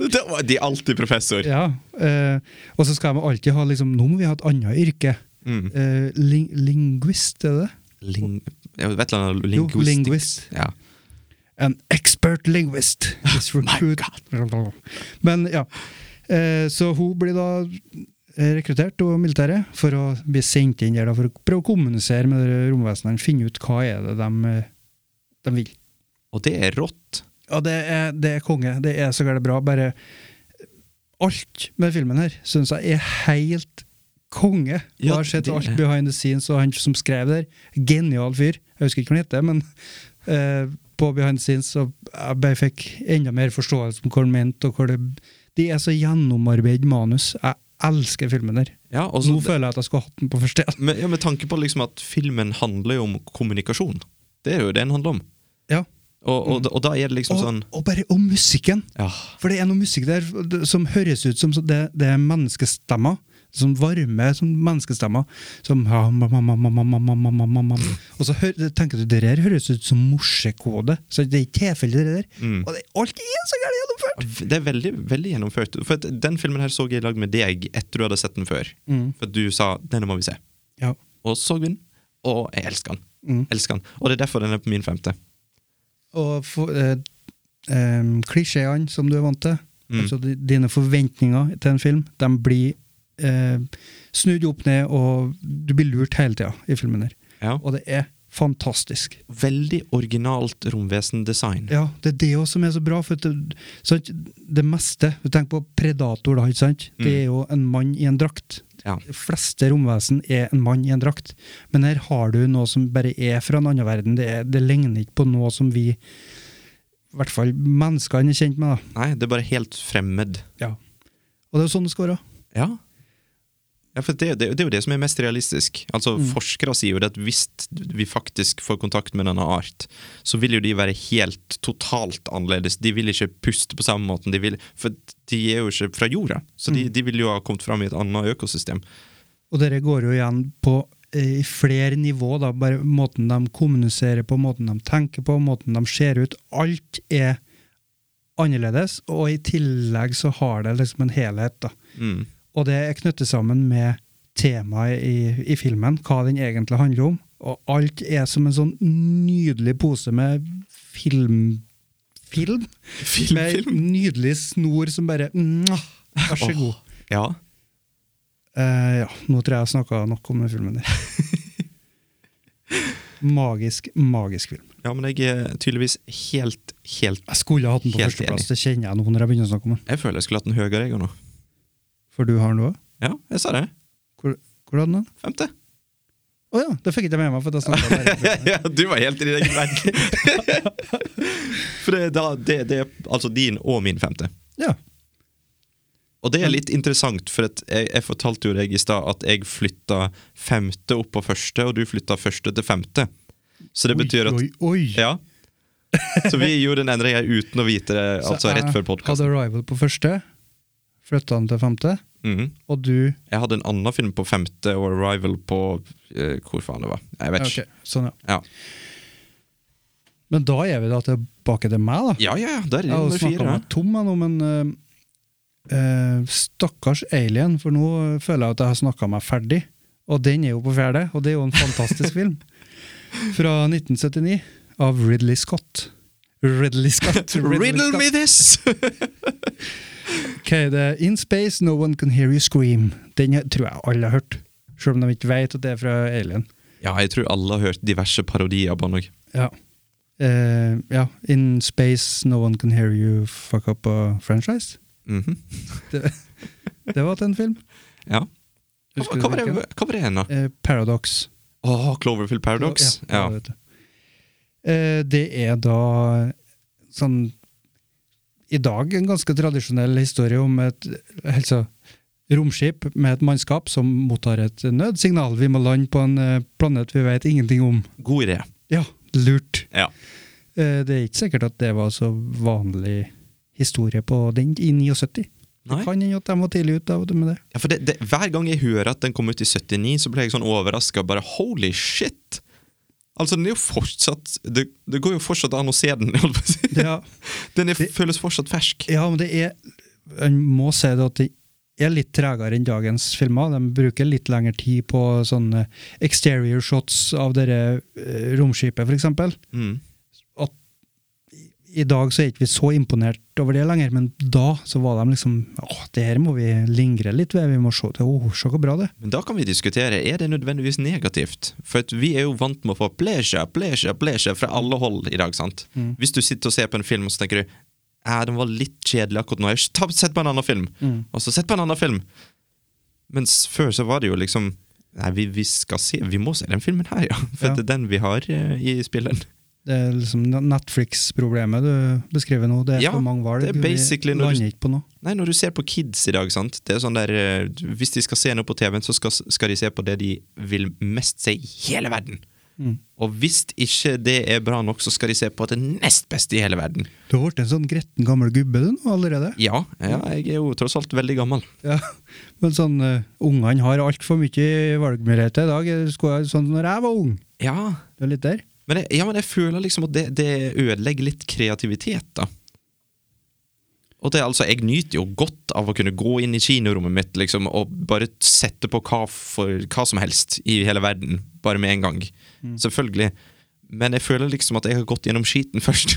Ja. Jeg, jeg så på NYPD Blue hver kveld på TV, liksom, for det var det som gikk! Kom hjem fra skolen og så, så MacGyver. Ja. Og Friends. Pacific Blue i sommerferien. Det var liksom, det var det, det, var det som var. Men går de glipp av noe? Altså, det å komme hjem fra skolen og vite at MacGyver er på TV-en, det var jo det var fint. Ja, det var greit, det. Og så stå opp tidlig i helgen, og så var Bonanza på. Ja, mens eh, hva, vil, hva, hva er forskjellen, sånn, tenker jeg, utviklinga av hjernen, da, for å bare si en setning som ikke betyr en dritt. Ja. At du liksom eh, Hvis vi har hatt Hvis MacGyver har vært en av hundre ting vi kunne ha sett, da. Mm. For det var jo, sånn som jeg husker det, så var det jo TV2 når jeg var liten. Ja, det var TV 2, ja. Og NRK TV2, NRK NRK var jo bare dritt. Ja, det var bare. Det var- så det var TV2, Mm. og der var MacGyver når jeg kom hjem fra skolen. Ja. Har jeg gått glipp av MacGyver hvis det har vært flere valg? ja, det hadde du. Men har jeg da kanskje fått noe bedre? Ja, men er det nødvendigvis bedre? Filosofisk. Ja. Fordi jeg tenker liksom, la oss si når jeg eh, gikk på barneskolen, så var Pokémon Det var det kuleste jeg visste. For da hadde vi fått oss sånn parabol-TV og sånn greie. Så på Cartoon Network Nei, hva var det? Jeg husker ikke kanalen engang. Men det, det var i hvert fall Pokémon, og det var rett før skolen hver eneste dag. Og det var liksom sånn da, da følte jo jeg meg Eller følte meg ikke, men jeg var jo ganske bortskjemt. Kompisene mine kunne jo ikke se Pokémon når som helst. De måtte liksom kjøpe filmene eller hva pokker. sant? Um, men, men da var det sånn at jeg gjorde en innsats for å stå opp ekstra tidlig for å gjøre meg klar, alt klar, matpakke klar, alt mulig sånt, fordi at da hadde jeg tid til å se tre fjerdedeler av en episode Pokémon før jeg måtte stikke og ta bussen til skolen. Mm. Og jeg, føler i hvert fall det at eh, det, det, noe, det gir deg et spesielt forhold til eh, ikke bare ikke film i dette tilfellet, men, men til liksom underholdningsmediet. da. Du får litt mer respekt for det. på en måte. Det er fordi du må gjøre en innsats sjøl for å få se på det som du har lyst til å se på. Det som er litt artig, er at science fiction-filmer det er jo sånne eh, ting som det her, sånne tema som det her, de egentlig tar opp gjennom og historien om et romvesen eller tidsreise eller timeloop. da. Bare det noe med at er det bra å ha få valgmuligheter, eller er det bedre å ha mange? Hva er fordelene og ulempene med begge to? da? Ja. Og det, Jeg ser for meg at vi, jeg har ikke noe eksempel, men det er helt garantert en eh, sci-fi-film som, kan, som vi kan si at handler om akkurat det. Og det med timeloop, jeg, jeg tror vi er inne på noe der. Mm. Eh, ofte så handler det jo om å bli et bedre menneske, da, med, med timeloop-filmene. Ja. Hva er det som er viktig for deg, og hva skal du bruke tida di på, og sånne ting. Ja, for du, de tror alltid at det de har lyst på, er penger eller berømmelse, og så innser de til slutt inni seg sjøl at de alltid ville, var å ha en venn. Ja, for eksempel. Eh, så det er jo det som gjør en, eh, en sci-fi bra, at den bak monsteret, da, eller det eksepsjonelle, som eh, er uvanlig, som er med i filmen, så er det en sånn dagligdags tema, en dagligdags sånn verdi, en lærdom. Ja, det er det menneskelige aspektet. Mm. Og i, Jeg kunne ikke si så mye om det i Arrival, jeg skal ikke si noe mer om det, heller, men der er det noe veldig menneskelig da, bakom den historien om romvesenene som kommer til jorda. Mm. Uh, og det, det er egentlig som gjør filmen så fantastisk bra. Hva er den lærdommen i Alien? For er det Har den noe sånt ved seg, eller er det liksom bare den derre sjokk og gore, denne skrekkhistorien? Nei, altså, det, altså For min del så har jeg alltid sett på Alien litt sånn som en sånn female empowerment-type film. Ja. Eh, Fordi eh, altså, på det, det var jo ikke vanlig at helten din var ei sterk dame, liksom. Ja, for det har jo jeg hørt på behind the scenes, at folk liksom Det var litt meninga at de skulle tro at han kaptein, jeg husker ikke navnet på han, men han var, det var en mann. Ja. At det var han som skulle være, bli helten her. Men så blir folk litt Oi, han dør han, ja? Og så er det dama som står igjen, liksom. Mm. Så det var ikke vanlig på den tida. James Cameron han har jo mye kvinnelige protagonister. Ja. ja men altså, jeg, jeg, vil, jeg vet ikke om jeg ville kalt henne dame engang, for at hun er mer mann enn de fleste. Eh, skal ikke si Ridley Scott, da, men eh, Ripley. R- Ripley. Mm. For hun er jo råtøff. Ja. Hun ble jo liksom et ikon. Mm. Sigourney Weaver. Yes. Jeg syns det var litt kult jeg, at, at James Cameron hadde tatt henne med i Avatar. Mm. Jeg synes Det var et sånn fint lite nikk. Ja. For det, altså, Jeg er jo en av de idiotene som faktisk syns at Avatar var underholdende. Ja, jeg har sett den, men jeg er ikke Litt sånn som det med 'Ringenes herre', det syndromet, når hele verden går helt av skaftet for en film, Mm. og så føler jeg at Hvorfor liker ikke jeg den like bra? Ja. Det, samme, altså, det var litt sånn Nå, Nå gjør hun Men det skjedde med 'Ringenes herre', og så skjedde det òg litt med 'Avatar'. Ja. Eh, ja. Men kan jeg bare få hoppe litt tilbake på dette her, eh, det, mitt ene spor her, eh, med, med film og ungdom nå til dags? Mm. Oi, oi, oi! Dette er sånn der eh, slitne, gamle mannsspalta mi. Eh, fordi at jeg, jeg las en studie Hvor gammel er du? 34? Jeg er 34, ja. Ja. Eldgammel. Ancient. Ancient one! Men eh, jeg las en studie, jeg, husker ikke hvor i helsike jeg las den. Så det tar etter meg klype salt. Men studien viste i hvert fall det at folk bryr seg mindre om film nå enn før. Altså, Og dette var før korona. Og, og grunnen til det var at de unge var så vant med å konsumere innhold gjennom mobiltelefon eller sånn og sånn og sånn, og de var mer opptatt av kjapt, enkelt innhold, YouTube eller Snapchat eller Instagram eller hva det skulle være. Um, at det, det var liksom, Film var ikke så viktig lenger. Det var liksom ikke sånn no, noe stort. Og, og det var jo òg derfor disse her eh, bak den her idiotiske tjenesten Hva var den het for noe igjen? Ja, det, det var noen som lagde en, en tjeneste som handla om kortforminnhold. Det var veldig kort navn, var ikke det? Ja, Jeg- Nå er det ikke Yolo den heter, men det var det som sto i hodet mitt ja det, det er basically det. Ja. og det var timinutters eh, filmer som liksom var greia der. Så du kunne oh, enkelt se på toget, liksom. For det, det er den nåværende generasjonen liksom vil ha da. Mm. Eh, men de feiler jo hardt. Eh, men når jeg var yngre, så var det jo sånn at i helga Det beste jeg visste, var hvis mor mi fortalte at eh, i helga kan vi leie en film. Og da var det liksom inn på kiosken, og det var å se på alle covera. det det var liksom en hel seremoni, en stor greie, å finne en film bare Og den har jeg lyst til å se. Og så av og til fikk søstera mi Olene fikk lov til å velge én film, hun òg. Så ble det en sånn greie. Bare, jeg håper den her er bra, herregud. Så. Og så, Det var det helga gikk ut på. Det var den filmen. Ofte så så vi den igjen morgenen etterpå fordi at vi skulle levere den inn senere på dagen. Mens nå er det liksom Det, det fins det ikke lenger. det.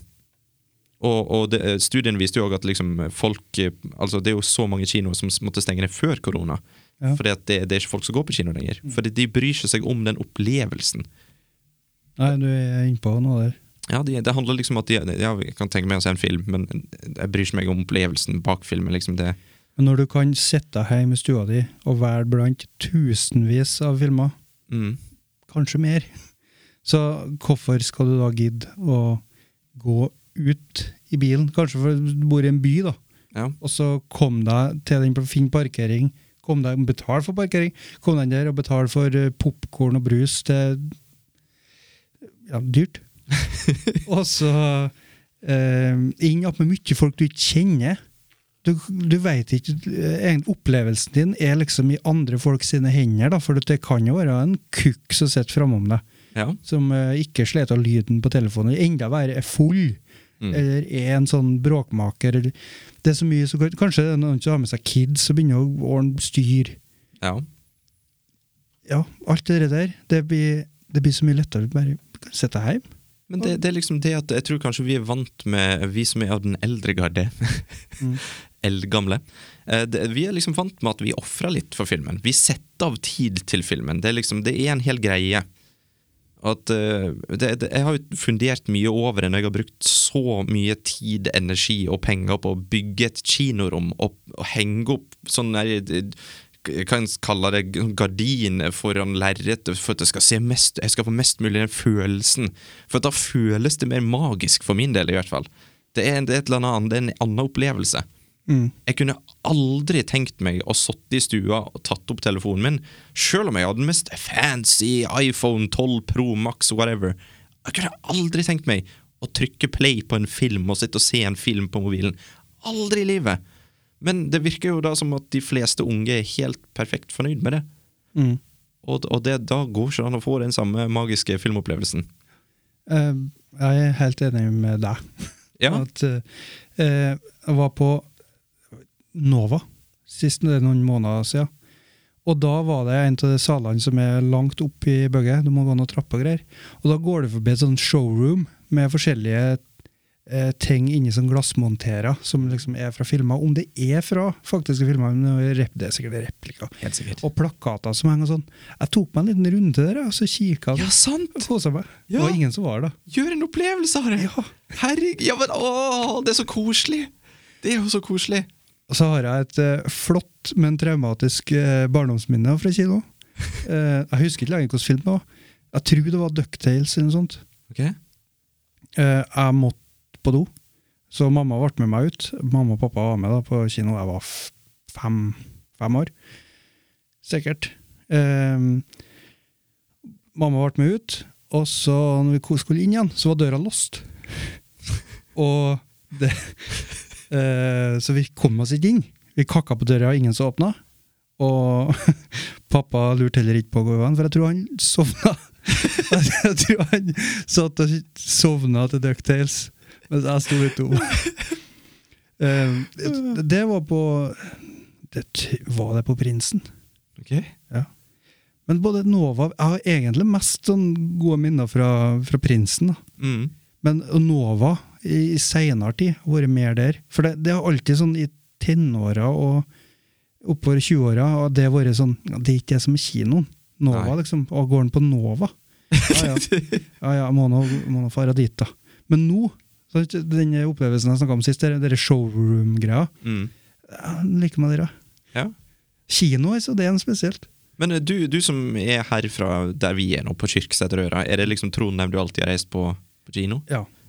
Det er det som er byen vår. Litt lenger sånn Aure, da er det eh, annen by. Hvilken by er det? Eh, Kristiansund? ja, Eller Ålesund? Nei, Kristiansund. Jeg, jeg tror det. Ja. Men det er liksom deres by. Jeg har ikke tenkt meg skal galt opp i det. nei. De drar dit, og så vi drar til Trondheim. Ja. Nei, Jeg har liksom alltid vokst opp i bygde, så jeg har alltid hatt en sånn bygdekino. Men liksom i Sogndal der var det jo en relativt fin kino. Mm. Så det er liksom sånn, det er de der middelsstørrelsekinoene som jeg vokste vokst opp med, som er liksom er min idé av en kino, liksom. Litt sånn skittig lyd av og til. Men så at, eh, For det har vi jo hatt her òg, eh, på, eh, på Eie. Og de Mm. har visst kino der, satt fram sånn trestoler og greier. Det er jo bygdekino. ja, ok, Det var ikke så ille i, i Sogndal i Florø, jeg skal innrømme det. Ok. Eh, men så har du jo nedpå Kulløren, Mm. så har du jo kino. Og så tenker jeg at kanskje dem som vokser opp nå, da, som er ung nå, Mm. at det blir liksom den gode kinominnene deres. da. At de faktisk har en kino i bygda. Ja, det kan godt hende, det. Men eh, så må det jo sies at det er jo noe annet å komme seg inn til Trondheim for å på Prinsen Ja, det er det. eller Nova. Ja. Åh, Til nød. for, Til det, nød for så stort og så høyt som mulig. Nei, da, da, er det, da er det film. Hvilken film var det vi snakka om? Var det Alien? Vi snakker om Arrival, som var på begge to sin femteplass. Ja, jeg var jo over på Alien. nå, vet du. Ja, du var på A Herregud, jeg hadde datt helt av. henne. Eh, Og det var din nummer fire. jeg hadde jo eh, Det kan hende, for så. Ja. Men eh, jeg hadde jo Aliens på min topp ti ever, altså uavhengig av sjangerliste. Mm. Hvorfor jeg nå valgte Alien på denne sci-fi-lista jeg, husker mest ikke hvor det var som gjorde det jeg bestemte meg for det, men det er jo sånn, du ombestemmer deg annethvert minutt, og så ble den bare stående at den ble. Men Alien sa òg kunnet kunne stå der. Ja, for vi hadde jo Alien-maraton sammen. For Mm. jeg hadde glemt flesteparten av filmene. Og Ja. Alien skiller seg ut som en mer en sånn eh, Ja, de, de andre blir mer action. Mm. Mens Alien Ja. er mer creepy, Ja. skummel stemning. Helt enig. Ja. For det merka jeg nå når Sist jeg så eh, filmene, så begynte vi med Prometheus, jeg og Kristin, min kjære. Mm. Så eh, jeg skulle, Hun hadde ikke sett alle, eller visste ikke hvilke filmer hun hadde sett. Så da tenkte jeg ok, nå prøver vi å begynne med Prometheus, som da er I hvert fall i filmuniverset, så er den eh, først. Ja. Handlinga er først. Eh, og så var det vel Alien Covenant. Og så Alien, Aliens, Alien 3, og så den beryktede Alien 4, hva den heter? Resurrection. Resurrection, ja. oh. Men eh, Og da merka i hvert fall jeg det at fra Alien Etter vi har sett Prometheus da, og Alien Covenant, og så går vi tilbake til 1979, så ser vi Alien. Mm. Det går tregere. Ja. Og så satte vi på Aliens, og tenkte åh, nå er vi tilbake. Her er det snappy. Nå Mm. går det fortere. Eh, du liksom rekker ikke å slappe av imellom. Så det er et eller annet Det du sa der om at det er mer action-eventyr i Aliens. da. ja, absolutt. Din fjerde, Her. Min fjerdeplass, min gode venn Jørund, det er altså en film fra 1982. Å, det er The Thing. Nei. Er den fra 82? Ja, men jeg ser på det mer som en skrekkfilm. Ok. Ja. Ehm, den er regissert av ingen ringere enn Ridley Scott. Ok. Man has made his match. Terminator? Now it's his problem. Ikke Terminator? Nei. Det er Blade Runner! Ja! Hey, oh, oh, oh, oh. Men det er jo ikke Ridley Scott som Er det Ridley Scott som er Terminator? Ja. Okay. Nei, termi, nei, Terminator, nei. Ja, for det var det jeg som sa det nå. Det var James Cameron, det. Ja, det var det. Jørund, da. Nei, Blade Runner. Dette er jo en film som jeg eh, utsatte i det lengste å se. Jeg, jeg så den for kanskje fem-seks år siden. Sammen med en god kompis, Simen Hjelten, shout-out, i Gjøvik. Og han anbefalte den i hvert fall, og vi satt og så den sammen, og det var et eller annet med den filmen her. For det var, altså, jeg skal være helt ærlig, det er ikke en film for alle.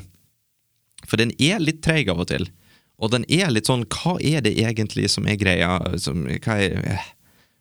Men så er det Han har skapt på en måte et slags, sånn mesterverk av et futuristisk verden. Det er sånn vanskelig å forklare, for det er liksom hele følelsen i filmen. Det er litt sånn som når vi snakker om 'Midtsommer' på skrekkfilmlista.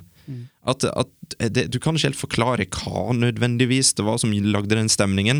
Eh, Settingen og plassen, kanskje, og sånt, men, men altså, den filmen her, den, den gjorde jo cyberpunk-greia til en, en stor ting igjen, på en måte. Og det, ja. Og det handler jo da eh, om godeste Harrison Ford, som er vår helt. Og han eh, er hva vi skal kalle det, en slags, en slags politimann slash jeger slash eh, ja, mann. Som eh, Jobben hans er da å jakte på det som de kaller for replicants, og drepe de. Og det er altså da eh, roboter, kan vi si, som er skapt for å gjøre arbeid, men som ikke er meningen, Det er liksom ikke meninga de skal leve. Jeg har ikke lyst til å forklare for mye. Mm. Men hele Jeg kan si så mye at he hele filmen er veldig filosofisk. Veldig sånn treig til tider, og mye snakk. Og mange ideer. Men den, den sitter liksom igjen hos meg. Det, det er et eller annet med den som er litt sånn magisk. Så, ja. Men uh, Ridley Scott For det som, Riddle me this!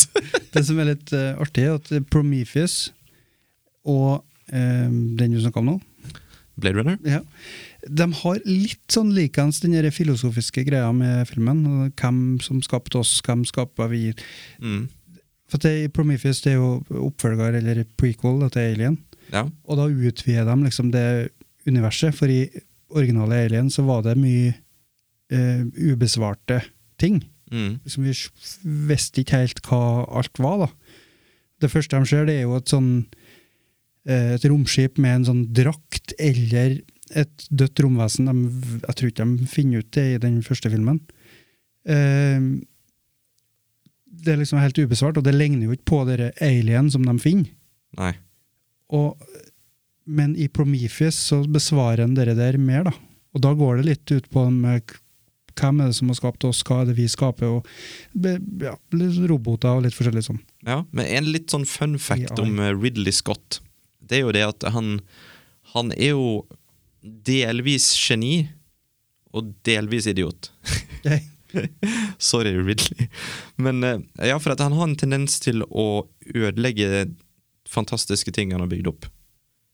Og det var jo mange som var livredde at når han skulle begynne liksom å, å eh, fortelle mer om alien-universet, at han skulle ødelegge det som faktisk folk liker med filmene. Eh, fordi i, når det gjelder Blade Runner, så var det jo sånn at eh, han har vel gjort om på den filmen her i ja, jeg aner ikke Ja. mange ganger. Fem-seks ganger. jeg tror det var 2008, for jeg kikka på, på Blade Runner. Ja. Så kom det The Final Cut. Tror jeg. Og det, jeg mener det Jeg, husker ikke hvordan det var, men jeg, husker, jeg husker i hvert fall jeg hadde en lang samtale med han kompisen min Simen om dette. her Uh, og og det, det er liksom versjoner av den filmen her som fansen nekter å akseptere fins. Okay. Fordi Ridley Scott han la nemlig til scene i eh, blant annet Directors Cut og sånn, som endra helt på handlinga i filmen. Okay. Som gjør om på alt. Så, eh, liksom Enkeltscener som gjør at Å, å shit, da jo, betyr jo det sånn og sånn og sånn. Og, og, og det gjorde han såpass mange ganger at fansen klagde, og de var helt i harnisk, så han måtte ta det tilbake. Og til og med i seinere tid så han kom med uttalelser om hva han mener om filmen, som, som da gjør ja, La meg bare si det sånn. Hvis en kan kalle Blade Runner et, et mesterverk, så sier han i et intervju svart på hvitt at sånn er det jeg ser for meg, dette mener jeg slutten betyr. Mm. Og det han sier, gjør at hele handlinga i sin egen film plutselig maker null sens. Okay. At hele meninga og det filosofiske med filmen som folk har tatt ut av den, det er, det er bare null. Så han, da gjør han sin egen film fra smart, briljant til dum. Og det er så rart. Ja. Ikke så lurt å begynne å eh, sette en sånn eh, endelig eh, ah, Jeg får ikke til å snakke. Men eh, hvis du har en, en handling da, som kan tolkes litt på forskjellige måter, så er det jo veldig dumt å begynne å si at det er sånn er det. Mm. For da ødelegger du for fans som kanskje har sin egen mening da, om filmen. Ja. Og jeg vil tro at dere er altså Blade Runner har jo ikke jeg sett, som jeg sa. Men eh, jeg ser for meg at det er en film som kan tolkes på mange forskjellige måter. Mm. Og den har liksom et veldig mektig budskap til slutt òg. Liksom, det, det, det er liksom det som sitter igjen med meg. Det og så hele stemninga og settingen. Og når han sier det, at han, han mener det er sånn Da er det sånn Hæ?! Lagde du ikke den filmen? Er din idiot? det, det er så rart for min del. Det blir som at hvis du hadde tatt en annen film med litt sånn tvetydig slutt, eh, sånn som Inception Nå skal jeg ikke spoile slutten, men la oss da si at eh, Christopher Nolan hadde kommet ut med en director's cut, og så hadde han lagt til ei scene på slutten som bare ødela alt. Det er liksom sånn Hæ?! Ja, nei, det er helt merkelig, altså. Men eh, ja, Blade Runner. Ja, da er vi på min tredje. Mm. Der, vet du. Da er vi på pallen, faktisk. Ja. Pa det var veldig Det var sånn Pallen. Det er en film fra 2011. Oi. Regissøren har ikke jeg hørt om, jeg. Rupert Wyatt. Aldri hørt om. Nei. Det er da en uh, prequel til en film fra 60-tallet. Oi. Eh, det er laga tre filmer. Jeg har jo med den første her, da. Som Ok. Tippe? Planet of the Ape Apes. Apes. Rise of the Planet of the Apes. Rise of the Planet of the Apes. Så har du Dawn of the Planet of the Apes, og så er det War for the Planet of the Apes. Men eh, Rise, den syns jeg var best. Mm. Og jeg har jo nevnt eh, Vi snakka jo om CGI her i en episode der vi snakka om filmene til våre respektive kjære. Ja. Og da sa jeg hvor fantastisk jeg syns at CGI-en, eller dere motion capture, Mm. fungerer da, i den filmen her. Trenger ikke å gå down that road igjen. Da begynner vi å snakke om sjøhester og diverse. ja. uh, men uh, i hvert fall det med han uh, Andy Circus Mm. og hans skuespillerprestasjoner der, og bare det tekniske. Nå går jeg jo down that road again. Eh, så jeg er så imponert over det, og det funker så vanvittig bra. Og det er noen scener i, den, i Rise der eh, hovedpersonen, Cæsar, apa, da, som eh, har fått i seg et stoff som gjør den eh, litt smartere enn en eh, gemene ape. Eh, han er i en eh, sånn dyrepark-lignende Jeg tror ikke det er dyrepark, for det er ikke folk som kommer og kikker på apene, men de eh, Blir mer sånn shelter, på en måte. Ja, det er sånn eh, eh, Hva heter de som eh, er alkoholikere og må inn på Ja, ja, um, um, ja, um, Husker ikke. Nei. men uh, inn for å fikses, skal du si. Ja. Og, ja. Rehabilitering. Rehabilitering. Hei! Ja. Eh, og der er det jo andre aper, altså i apeverden så vet vi jo at det, det er jo som i fengsel, det er jo mer å være alfa male. Mm. Og den, de, de snakker jo ikke til hverandre. Det er ikke noe Det er ordløs, eh, ordløse scener. Men vi forstår lell hva som foregår, gjennom kroppsspråk. Mm. Og det er, det er så bra. Jeg elsker de scenene i de Ja, det, det er veldig bra. Det er fantastisk. Det er, fakt, det er sånn CGI som får fram følelser. Mm. Men eh, For du snakker om den første, sant? Ja. Ja, Med James Franco. Ja, jeg har ikke sagt om handlinga ennå. Eh, James Franco han eh, har en jobb som forsker, der han prøver å finne eh, kur mot Alzheimer. Egentlig akkurat samme plottet som i Deep Lucy. eh, og som i Deep Lucy så har jo han en far som er rammet av sykdommen. Det hadde jo hun i Deep Lucy òg. Ja, jaggu! Ja, det er akkurat samme filmen, bare til aper istedenfor haier, og så er Rise of the Planet of Apes mye bedre. Ja, men altså, de var de veldig følsomme, de haiene. En guilty pleasure, da. er Ja, det er jo det. Filmen. Men jeg har sett den i, ganske nylig nå. Det, Og du har det? den, den har ikke gått bort.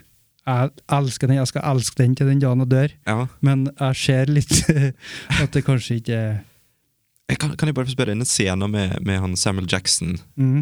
Ja, det er CGI-haien som kommer hoppende og tar den. Ja, er den fortsatt uh, Har den fortsatt effekt? Den er jo like grusomt dårlig som den alltid har vært. ja, men den hadde effekt! ja, det var en sjokkeffekt, Ja, men uh, den eh, CGI-haien er jo Den er jo bedre enn i Haisommer 3. Ja, skal ikke så mye til. Nei, men uh, den, den holder seg ikke så bra, nei. Ja, ok. Er den ikke. Ja.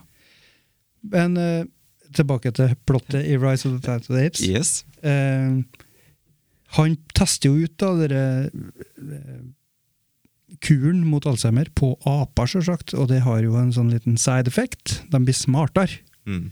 Og for dem som har sett Planet of the Apes, det eh, går jo ut på at det er noen som drar ut i verdensrommet, og så lander de på en planet, og der er det aper som kan snakke. Og menneskene de er dumme og kan ikke snakke. Det var Charlton-hesten, var det ikke? Ja. Ja. Og i filmen her, da, så i trilogien, så får vi jo vite hva er det som førte til at det ble sånn. For det er en liten spoiler for den første originale Planet of the Apes. Vi finner ut på slutten at han er ikke på en annen planet, han er på jorda. Eh, så han har fått gjennom en sånn eh, Sånn interstellar-portal. et eller annet for å komme litt i framtida. Og havna på jorda, og da har det skjedd noe som gjør at apene har tatt over planeten. Og kan, kan jeg bare få gi en shout-out til den scenen i originale Planet of the Apes? Noen Ja. ser The Statue of Liberty. Herregud! Hva roper Er det you, you maniacs, eller er det you bastards? Det er ikke noe sånn You did it. You damn dirty apes! Ja, men- Eller er det tidligere i Det er tidligere. Okay. Og det er jo i alle de ape-filmene så må de ha med det. ja. Det jeg syns det er litt når de må liksom Men Gi det, en sånn liten sånn det som jeg syns er veldig bra med eh, har, Altså, litt easter eggs, det liker vi, men ikke sånn in your face. Nei. Det skal ikke være Det, det skal ikke være sånn eh, skuespillerne.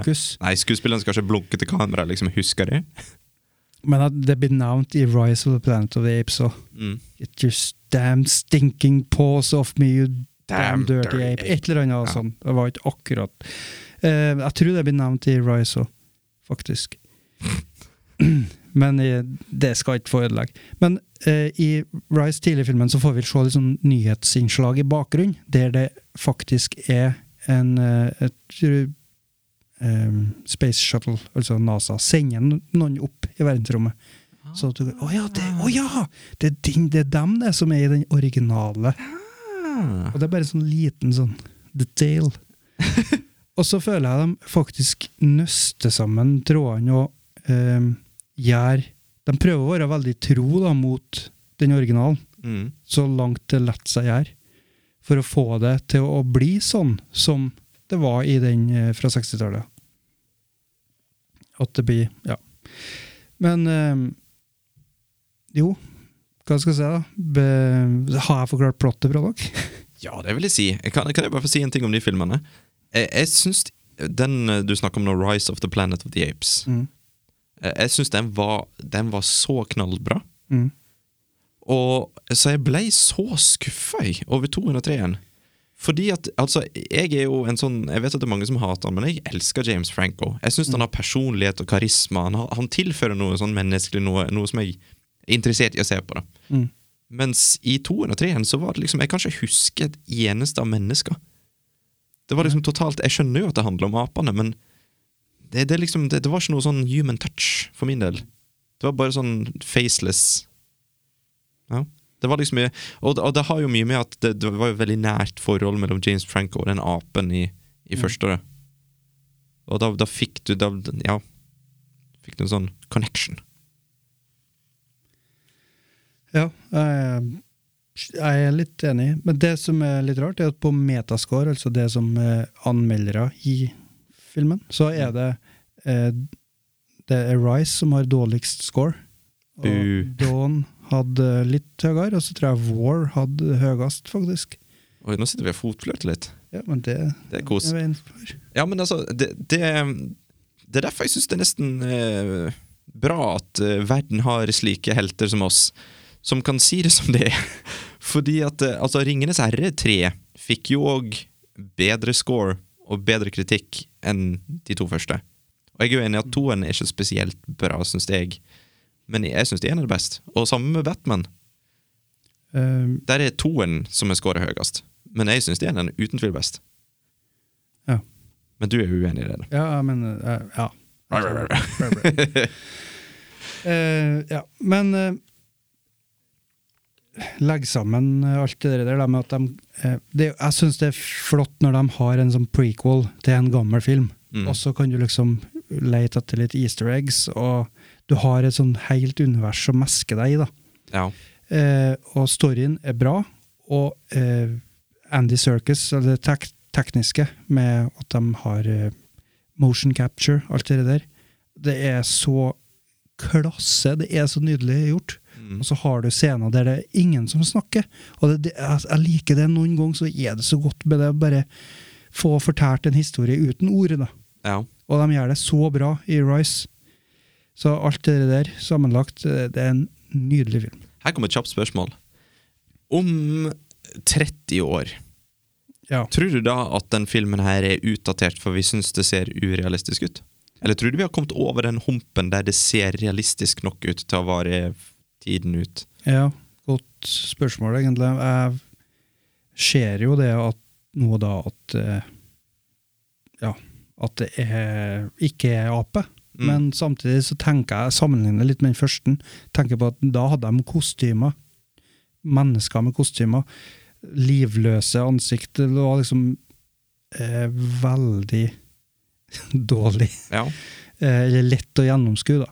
Mm. Mens eh, det er vel kanskje mer det at jeg er imponert over at det er en skuespiller som er bakom pikslene der, da.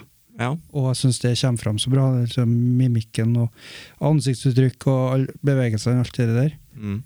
Eh, men det er godt mulig at det blir utdatert, ja. Ja, for du, hvis, du, eh, hvis du husker 'Ringenes herre', det gjør du, for du har sett den Mm. mye nyligere enn meg. Eh, og så har du jo eh, performancen til Andy Circus der. Ja. Og, og når det kom ut, så var jo folk var helt blåst av banen av han Gollum. Du hadde ikke han bare stemmen i førsten, og så hadde han Jeg mener han hadde, hadde øh, grønne prikker på trynet hele skiten, Ok. hvis jeg ikke ser helt feil. Det, hvis du kikker på, trenger ikke gjøre det nå, da, men hvis du kikker på IMDb, så står det Voice. At den har voice til Gollum. Ja, men jeg tror, jeg, tror ikke, jeg tror det var liksom den filmen som eh, revolusjonerte alt det greiene der. At det liksom det ble en rolle istedenfor bare en voice, og derfor er det litt sånn kontrovers. Jeg tror jeg. Ja, men det står På første filmen står det Voice, Ja. og på andre og tredje så Ja, husker ikke jeg, men da står det bare Gollum. At den er Gollum, liksom. Men det er rart, i så fall, for de spilte jo inn alle filmene samtidig. Ja, det Det er ikke jeg som er eksperten her. Men jeg, i hvert fall var det noe jeg beit meg merke i. For uh, Ja. det var en eller annen plass jeg hørte om da, at eh, det ikke ble før i andre, og da måtte jeg sjekke. Og så sto det på IMDb at det var bare Voice. Ja. Så, men det kan hende jeg tar feil. Har du, har du lyst på en, en, artig, en artig fun fact Nei. Jo. eh, om protagonisten i eh, originale Planet of the Apes? Ja. Charlton Heston. Mm. For jeg drev jo med litt sånn slektsforskning før. Og da fant jeg ut det at Det eh, er Dette jeg sikkert sagt tusen ganger før ja, på fylla. det, det har jeg Ja. Og, og da var det jo nemlig sånn at jeg fant ut at familien min hette Larsen eh, på morssida. Eh, men før det hette de Hest. Og den delen av familien min emigrerte til USA. og, og da var det altså noen som endra navn til Hesten. Så jeg kom ikke lenger, for at jeg måtte betale. My Heritage. Det var dritdyrt! Det var sånn 600 fly. Nei takk. Det er mange filmer. Men, eh, så jeg kan i teorien være i slekt med Charlton Heston. Altså, du er 600 kroner å finne ut om du enten er eller ikke er Ja, men det, det, det du vet liksom ikke. Det er på en måte som, som å gamble, for du vet jo ikke om du finner ut noe mer. For det er liksom sånn, ja. Ja. Men eh, jeg liker å tro. Jeg liker å tro. Jeg tror du Det er ikke 600 kroner som står i vet du. Du er redd for å miste den historien. Ja, det, det er jo ikke like kult å møte opp på fest og bare Du, skal jeg fortelle en fun, fun fact? Jeg er ikke i slekt med Charlton For nå har du krav på den historien. Du kan si at 'kanskje jeg er i slekt'. Jeg er kanskje i slekt. Nei, hvem vet? Hvem vet? 600 kroner? Hvem har det, liksom? Ingen har det. ja. Okay, Har du en tredjeplass, da? Jeg har faktisk en tredjeplass. Pallplassering. Og den her tok jeg med litt på trass. Dette er trassvalg. Eh, fordi at eh, Jeg tenkte på andre filmer av samme regissør som egentlig fortjener plassen mer. Eh, I hvert fall ifølge mine kriterier, da. Men den filmen her eh, har prega meg. Og så elsker jeg at jeg elsker den og andre hater den. Og det er altså en film vi så sammen i fjor. Eller var det i år? Tenet. Ja. Mm. Ja. Christopher Nolan. Hva, hva vi skal si? Jeg tenkte, skal jeg ha med Interstellar? Den hadde, det, den hadde jeg på lista, ja. Og så tok hun vekk og erstatta den med Tenet, Ja. fordi trass. Fordi trass. Ja. Eh, men jeg tror kanskje jeg ble litt påvirka av alt det negative. Jeg veit ikke. Men vi, vi elska jo den filmen. Vi var helt betatt. Vi fant ut at det var det beste Den bro, uh, bromansen. Ja. Sjøl om det ikke var det on screen, men det var liksom eh, bare fortalt om det. ja. Og det var ei dødsscene vi fikk se som vi egentlig ikke fikk se. Det var en ny take på gode, gamle eh, ja, vanlige scener, da. Mm. Det, var, det var liksom jeg er enig. Jeg skal ikke shame deg for at du har med den, nei. Nei, det var liksom dødsscene, og så er det ti minutter etterpå blir det forklart noe som gjør plutselig så er det sånn! Men altså Jeg klarer ikke å forstå hvorfor folk skal hate Tennet så mye. Nei, Er det fordi at han uh, tvingte folk til å dra på kino? Jeg, jeg, jeg vet ikke. Kanskje. Jeg tenker at det er det. Eh, bare for å gi litt kontekst til de som ikke vet men Christopher Nolan han, han pusher jo på. Han sa det at den filmen skal på kino. Den skal nytes på kino. Det er bare sånn det er. Så han pressa studio til å, å, å få den ut på kino midt i korona. Verste tida. Eh, og den floppa jo, selvfølgelig. Fordi at folk turte jo ikke å gå, og det ble smittetilfeller diverse plasser. Folk døde, liksom. Og det, altså, det, det er jo ikke bra. Ikke bra av regissøren. Men det er jo fortsatt en sykt bra film. Og ja, jeg elsker Interstellar. Og den òg var liksom litt sånn snakkis etterpå. Og jeg elsker Inception. Den òg var mye snakk om etterpå. Men Tenet er en sånn film som jeg har tenkt på hele tida. Og det er liksom sånn, når vi satt og snakka om den etter filmen var ferdig, og vi pausa oss gjennom filmen for å drøfte underveis Og bare det, når, når den er på en måte det høres altfor sn snobbete og pretensiøst ut, men hun er en sånn filmelsker som elsker liksom å, å få noe å bryne seg på. da Ikke få alt servert. Og den filmen der serverer jo svært lite. Så da er det, det, er, det, er en sånn, det, det ble en stor opplevelse, rett og slett. Og jeg, jeg er helt ærlig når jeg syns at jeg, jeg tror det er den beste Nolan-filmen jeg har sett. Ja, det, jeg syns det er veldig rart at den ikke har fått noe oppmerksomhet etterpå. Det var liksom ble sånn at de har satt den i skammekroken. Ja, den Det er føles skam, sånn. Det er ingen som snakker om den, og, og hvis folk snakker om den, så er det kun negativt. Ja. Og det syns jeg er rart. Mm, for at filmen ser fantastisk vakker ut. Og eh, en annen ting som folk klager på, er at dialogen er, er, er altfor lav i forhold til musikken og sånt. Men Nolan har jo sagt at det er meninga, liksom. Det er Ja, kanskje folk har blitt for for opptatt av at ting skal være Jeg vil ikke si overprodusert, for at altså, Christopher Nolan-filmer er jo produsert til helvete, sant? Mm. Men altså, kanskje det er musikken som er det viktigste. Kanskje det er opp... Ja, kanskje de Christopher Nolan har jo sjøl sagt at det er liksom den samla tingen av musikk og bilde og dialog. Det er alt sammen som skaper en effekt. Mens de fleste filmer ville da tona ned musikken, opp med dialogen, sånn at du skal få helt klart hva de Men altså, altså jeg, skal det jo være sagt at når vi så den i kinorommet mitt jeg, det, var, det, var, det var ikke så veldig ofte at jeg hadde noen problemer med lyden. Det var, det var ikke sånn at jeg sleit med å høre hva de sa, liksom. Men det er, det er ikke bare Tenet at det har vært et problem. Det folk har sagt det Mm. om tidligere mm. filmer til Christopher Nolan òg. Ja, men de får fortsatt legendestatus. Mm. Så hva er dealen? Altså, ja, musikken var fantastisk. Det var, Mm. Åh, jeg syns, syns det var helt konge, jeg. Og bare det at du kan, du kan se den flere ganger og fortsatt liksom drive og tenke over den og tolke den på andre måter. Helt konge. Det er jo i hvert fall på sin plass at uh, Christopher Nolan får en science fiction-film på lista vår. Yep. Han har, det er jo det han har, han. Det er jo, science fiction, det er jo tidsreise, og uh, egentlig forskjellige sånn tweakinger med tid og, han elsker tid. og, og verdensrommet. Eh, Interstellar, da. Mm. Men det er jo på tid. jo- Inception, det med drømmene, det er jo tid, det òg. Det er jo ikke nødvendigvis tidsreise, men det er et eller annet med tida, da, at den Ja. går fortere eller saktere. Ja, han er veldig opptatt av det med klokken og passe på når du gjør sånn og sånn. Og, Ja, og Tennet så går det bare baklengs. men Det er jo tidsreise, bare på en helt ny måte, da. Mm. Uh, ja. og det, det, kanskje det er det som er greia, jeg vet ikke. For det, han, han var jo sånn på at alle sammen skulle se den på kino. Du må se den på kino. Og vi så den jo på kino, hermetegn. På en måte, sant?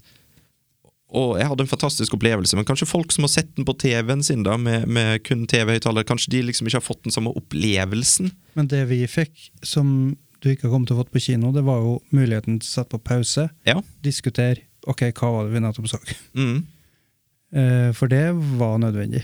Ja, og det, det, det, det skal ikke jeg si imot. Det var høyst nødvendig. Eh, bare nevne flere. The Prestige den er jo science fiction. Jeg føler den har passa på Ja. lista. Eh, altså, det er ikke bare på papiret science fiction, men eh, det er en science fiction-film, da. Ja, for den, det er en sånn film som jo mer jeg tenker på den, jo bedre blir den. Mm. Ja. Ja. Andreplass? Andreplass Sølvvinner på Jøruns sci-fi-liste. Det er en film fra 1999 Det var veldig artikulært.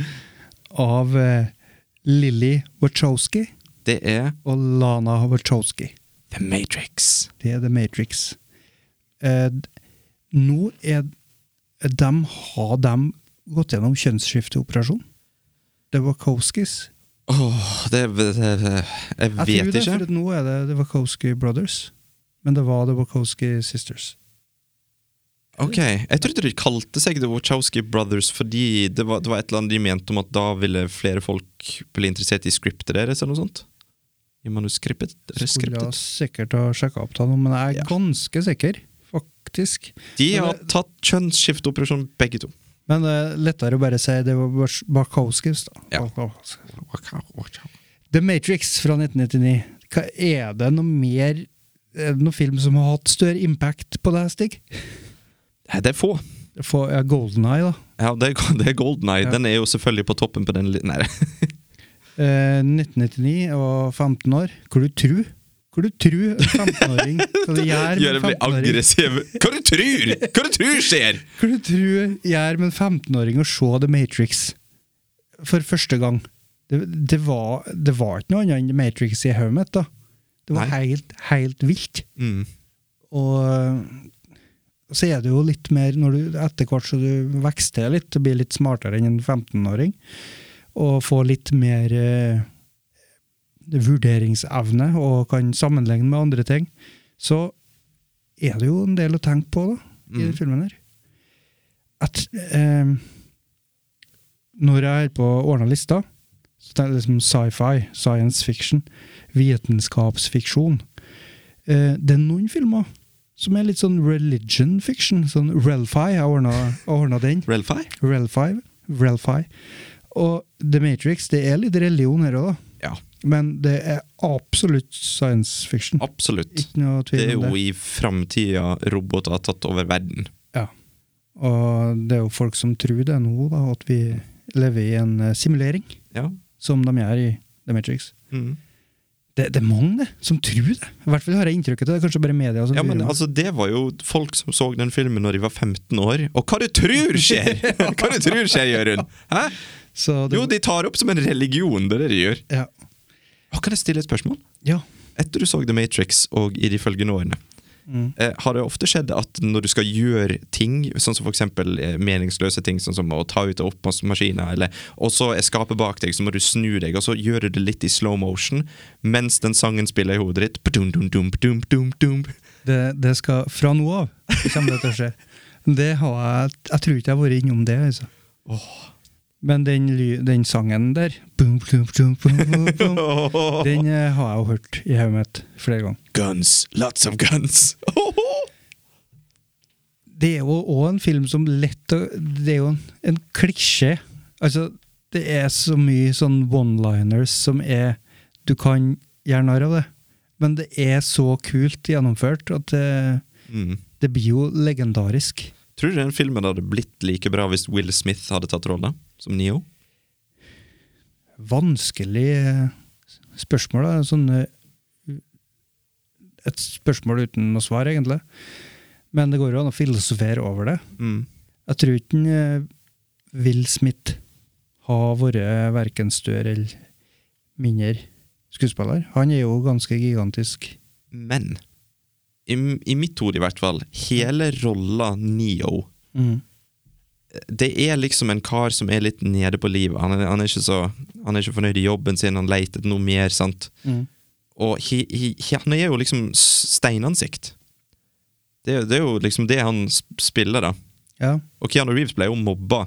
At han, han hadde samme tryne i alle filmene, liksom. Men i den filmen her så passer det så perfekt. Mm. For at han er liksom sånn Ansiktet hans sier så mye når det gjør så lite.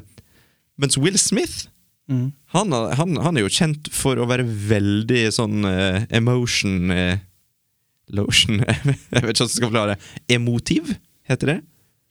Når du har veldig mye ansiktsuttrykk. Oh, oh, oh, no. oh, forferdelig dårlig forklart. Men skjønner du hva jeg mener? Hvis du, hvis du tenker liksom alle filmene med, så er han en sånn ah, hell no! Sånn type. Ja, men han er jo det! Eh, ok. Og jeg, uten å ha lest, uh, tror ikke det sto i manuskriptet at han skal se sånn ut i ansiktet, på en måte. Nei, ok. Ja, så føler jeg at uh, Kianus Keanus personlighet uh, tilførte noe til storyen. Han gjorde rolla, på en måte. Mm. Han er liksom Han snakker sånn ah. Han er liksom litt sånn calm og cool. Mm. I know kung fu, liksom. Mens Ja. ah, I know kung fu! Nei, jeg tror ikke han hadde spilt sånn. Men eh, ja. Eh, nei, Nei. jeg vet ikke. jeg vet ikke sikkert. I just don't know. Eh, Har jeg, satt, du satt deg ut? Eh, nei, jeg bare prøver å Men jeg, har ikke noe svar til det. Nei. Du har et poeng. Takk. Vær så god. um, ja. Se, jeg sier ikke noe mer om Matrix, jeg. Jeg tror de aller fleste vet, vet hva det går ut på. Uh, og kanskje litt viktig Altså litt av grunnen til at filmen har den plasseringa den har da i filmhistorien, uh, er jo òg at denne bullet time-filminga Mm. At de liksom bringte inn noe nytt da på banen. Ja. Ikke bare storyen, men det er jo en sånn perfect storm, da. Ja, det er liksom en, en sånn god blandings av eh, sånn, litt sånn Hongkong-cinema. Litt sånn vaierslåssing, som de kaller det. At det flyger rundt med de lydene der. For det er jo som tatt ut fra sånn klassiske Hongkong eh, fu-filmer. Mm. Med det, for det, det er jo lyder som jeg forbinder med slagene av en eller annen grunn. Når du slår, så kommer sånn lyd. Så så det er liksom en blanding av det og det vestlige og det, disse sci-fi-konseptene. det, det er fantastisk. Mm. El fantastico. Hva har du på andreplass?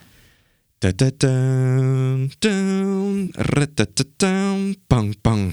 Nei, det, det er ikke sikkert det er riktig, men uh, det er Gravity. Men det var ikke det 2001 Romodyssé Alfonso Juaron! du, jeg tror du sang musikken til 2001. Nei, nei, nei, det var den introen!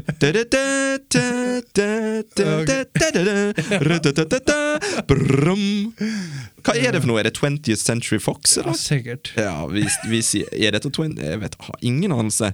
Nå, nå fucker jeg opp hele nummer to-plassen på lista mi. Du er en wildcard, Stig. Takk, takk, takk. takk. Det er Sandra Bullock òg, for å si det sånn. Ja. For den filmen her så jeg for første gang eh, på din eh, hjemmesnekra 3D-kino. Med 3D glasses and all, baby! Og jeg ble blown away! ja. Helt blåst av banen! For en bra film! Herregud, for en bra film!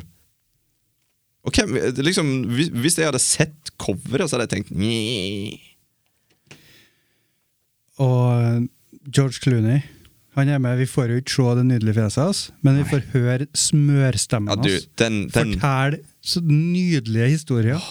Og det er Åh! Den, ja, den, det, er faktisk Åh! For det, Den stemmen hans, den smelter smør. Ja, herregud. Herregud. Og Sandra Bullock spiller jo dritbra i filmen her. Hun spiller jo en person som aldri i verden skulle vært sendt ut i verdensrommet. Men eh, de, de må jo ha en ark. Mm. Eh, De må ha en utvikling hos den personen, og det, det gjør de jo på en veldig god måte. Ja. Og for, for å si det kort, da, filmen går jo da ut på at eh, Sandra Bullock hun er in space. og så skjer det ting, og hun må komme seg vekk. Ja. Og, og det som jeg liker med den, det er at det er jo ikke, det det er ikke aliens det handler om. Det er veldig realistisk, på, på en måte. ja eh, derfor jeg tenkte litt Er det science fiction? Jeg òg tenkte det, Jørund!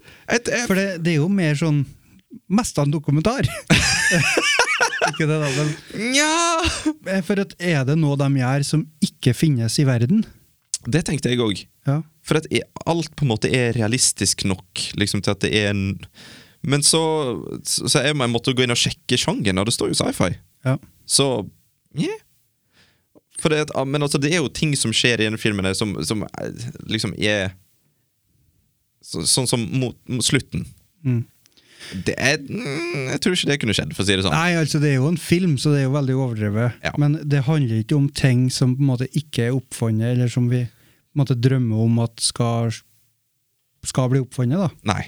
Det er ikke noe crazy tidsreise eller timeloop, eller det er, ingen, det er ikke noe romvesen. Nei.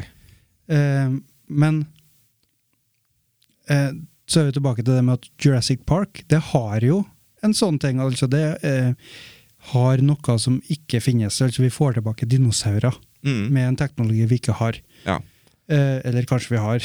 Eh, vi kan jo klone ting med, hvis vi Sauen Dolly. ja, hvis vi får det, Men vi, det er jo ikke mulig å finne DNA-et til en dinosaur som døde ut for 60 millioner år siden. tror jeg de har funnet ut. Eh, så det egentlig på papiret så er det en science fiction-film, men vi føler ikke at det er det. Altså Det er noe med tonen i filmen som gjør at det, det er en annen type film. Så da kan vi òg si at sjøl om eh, Gravity på papiret kanskje ikke er det, men det, det har en følelse som gjør at Ja. den passer inn likevel. Hva er det sjangen heter, liksom? Science? Ja. Men det er jo fiksjon om science. eh, Ja, det er jo det, faktisk. Men den definisjonen du la i stad, av han fyren som hadde et veldig rart navn som alle har hørt om før, Ja. eh, den definisjonen føler jeg utelukker egentlig Gravity, for da snakka han om at det Mm. var ting som ikke finnes i vår verden. Ja. Det var noe sånt. Så egentlig er jo dette en sånn film som burde gjort meg gal. For at hvorfor kaller folk det sci-fi når sånn og sånn og sånn? Men så er det liksom det, det, det en forbinder med sci-fi. Når en tenker sci-fi, så er det sånn Oi, sånne romskipfilmer. Ja. Sånn der oppe i verdensrommet. Men eh, altså, ja. Men altså, det er jo en helt fantastisk bra film. Da. Det er det. Og, og dette er en av få som jeg kan si at hvis du har muligheten til å se den i 3D, prøv. Mm. For det var veldig bra. Du, du er liksom der i lag med Sandra. Ikke helt i et glass som er fylt til randen av melk. melk! For melk er veldig vanskelig å vaske ut av eh, Veldig vanlig å drikke helt fylte glass med ja, melk. Baileys, da. Ja. Noe som er klessete eh, og lukter. Eh, Øl?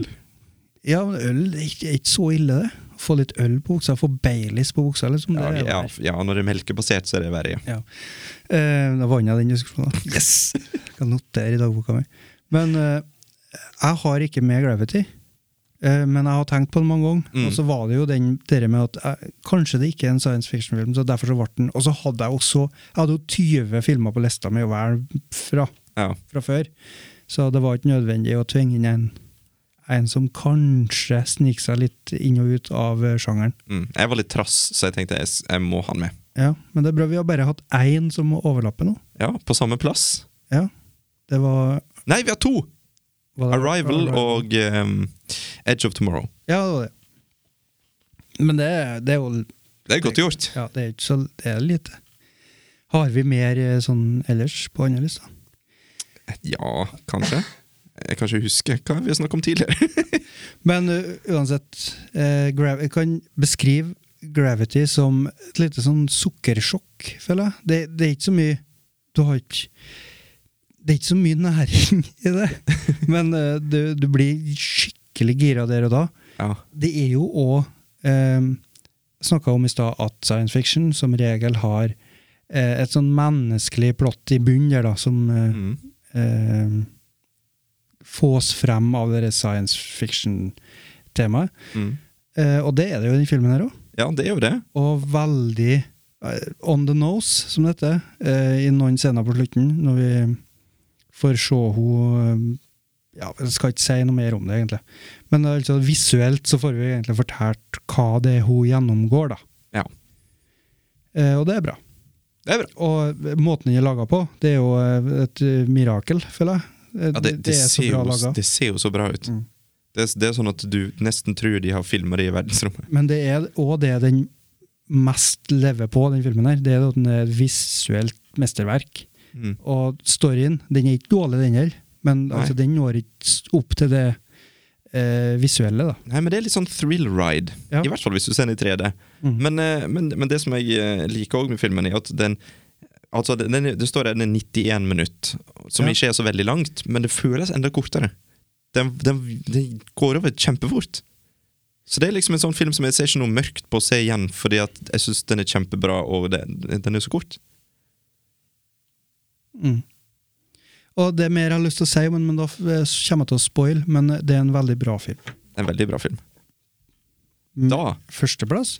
herr Jørund Moltebakk den første. Hva er din nummer én sci-fi-film noensinne? Oi.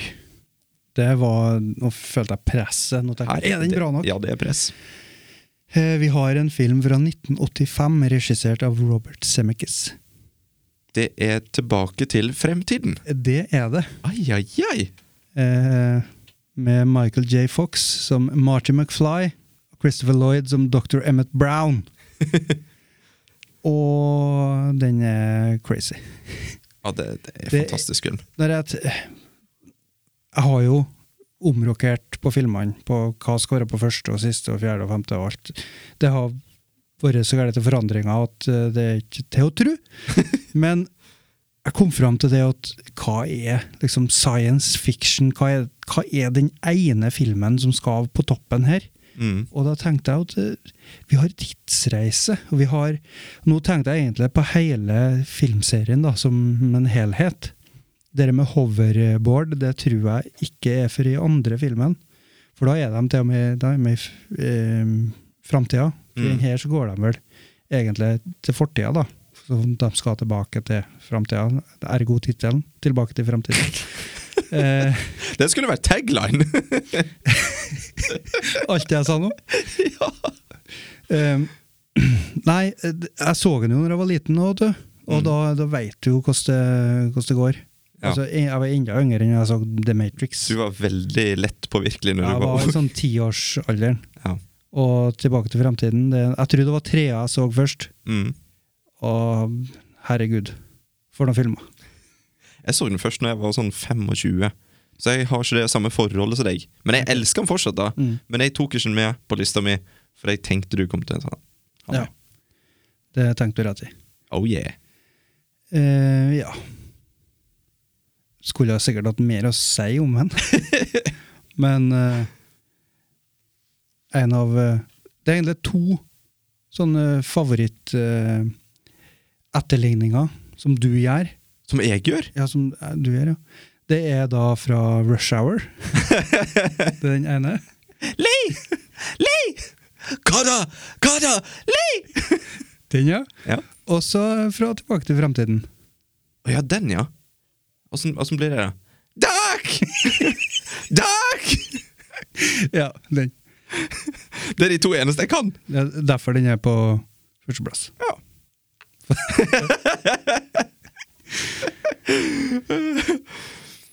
Men eh, tilbake til framtida. For at, eh, grunnen til at jeg eh, ikke tok den med på lista, var jo selvfølgelig at eh, jeg visste jo at du kom til å ha den med. Eh, men òg fordi at det, den filmen her òg får jeg en veldig sånn eventyr-vibe fra. Fantasi. Ja, du har rett i det, egentlig. Litt sånn sense of adventure. Men jeg, liksom, jeg bruker bare reglene når de, Ja. de er til nytte for meg. Ja, men det er riktig, det. Ja. Det, det er faktisk det som er meningen. Hvis, hvis det ikke passer inn i mitt narrativ, så forkasta jeg dem. Som Ja. en uh, gammel sokk. Som en skal. Uh, jeg har ikke sagt noe om handlinga. Nei!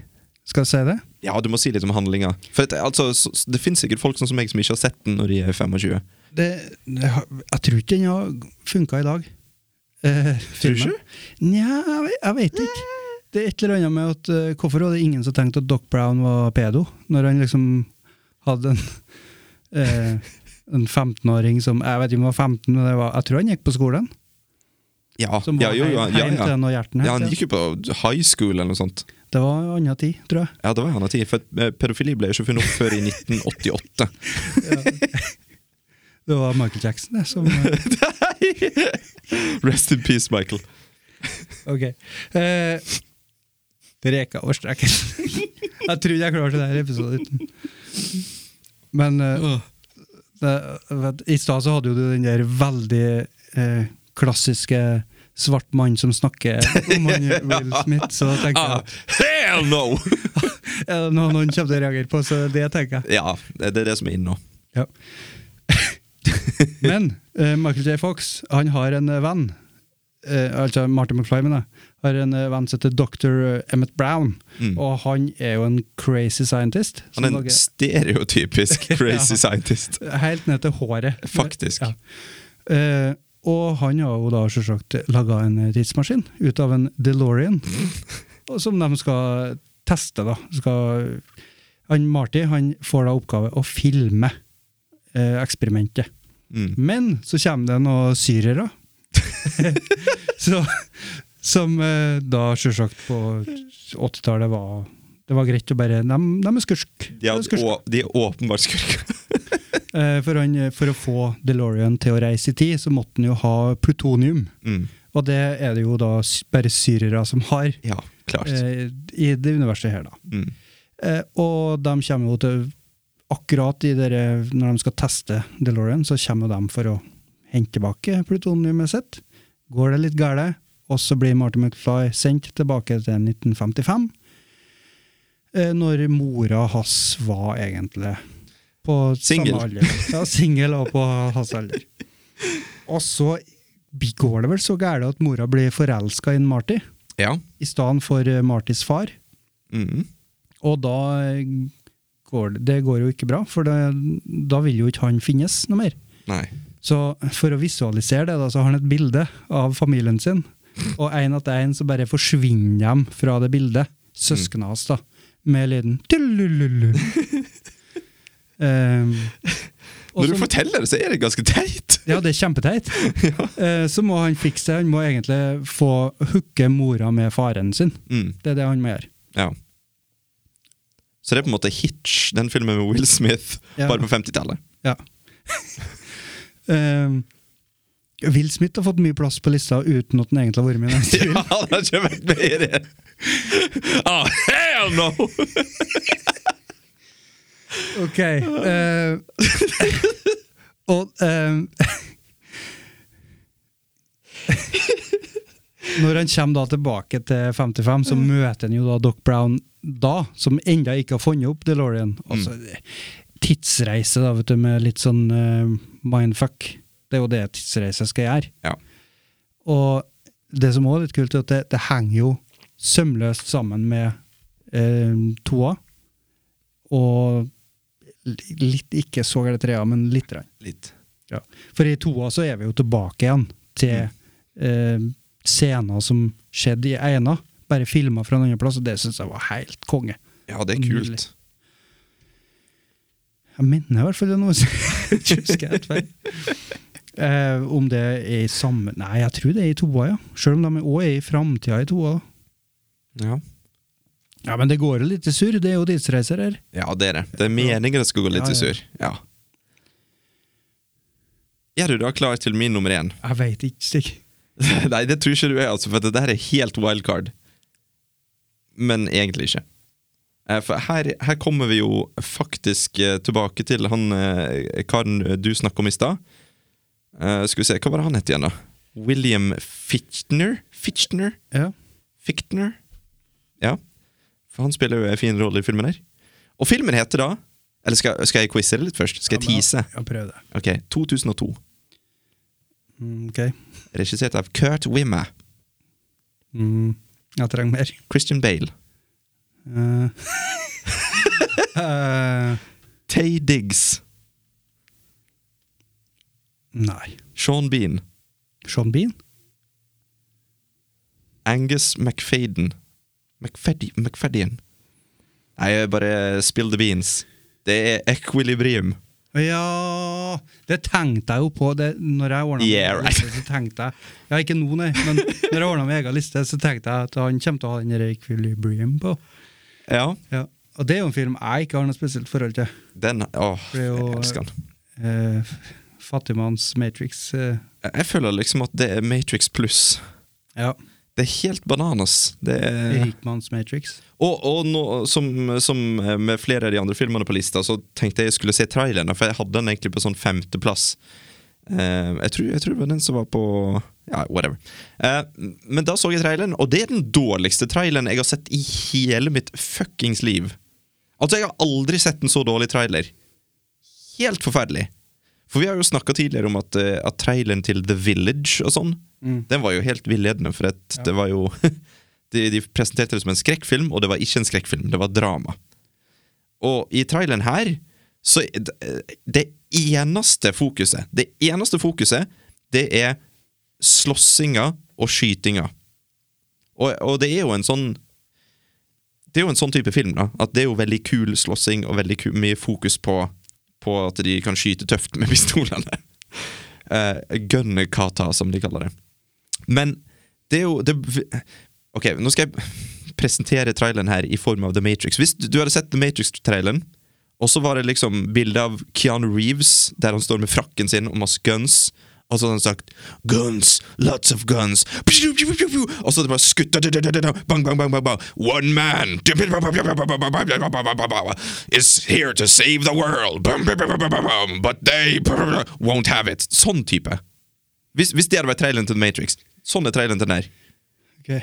For at I The Matrix så er det jo veldig mye om det konseptet og det der eh, religiøse aspektet. og alle disse her, Det er jo hele konseptet som er så kult. Sant? Det er jo ikke nødvendig, altså det er jo dritkult slåssing og, og sånt i The Matrix, men det er jo ikke det som gjør at den er så bra. Det er jo alt som er rundt.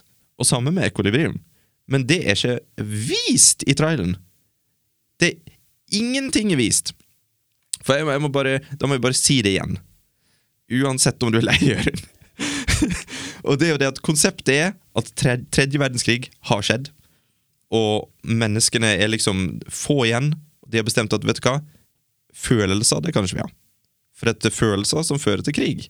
Så det de tar og gjør da, da har de sånn her eh, rett og slett følelsespoliti som reiser rundt og, og dreper de som har følelser, for de er en fare. Det er liksom, Vi kan ikke ha de, da kan det bli krig. Og folk må ta piller for å døve ned følelsene sine, sånn at de ikke føler en skit.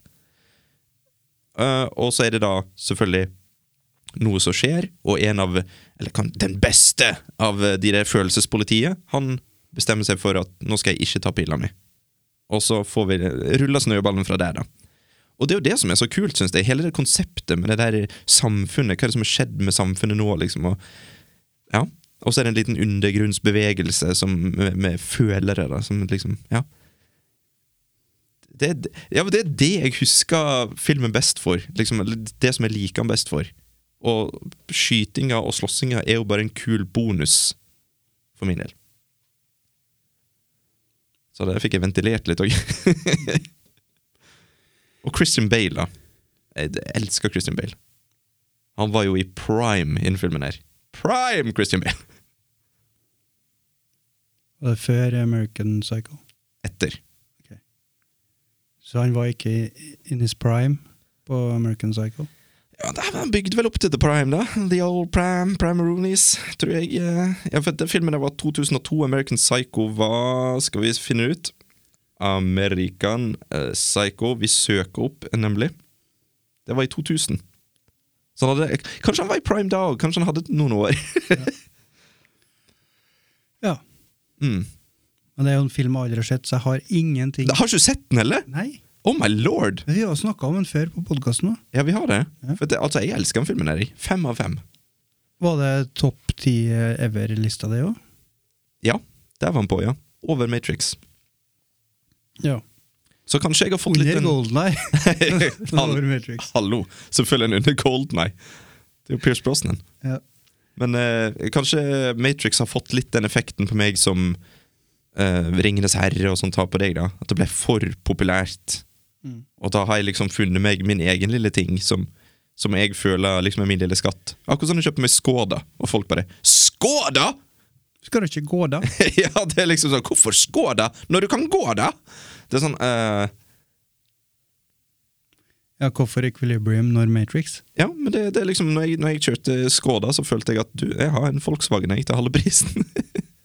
men, og nå føler jeg det som at jeg har, jeg har noe som er bedre enn Matrix. Jeg koser meg litt med at folk ikke vet om den. For det er jo ikke en film som er liksom veldig kjent, egentlig. Nei.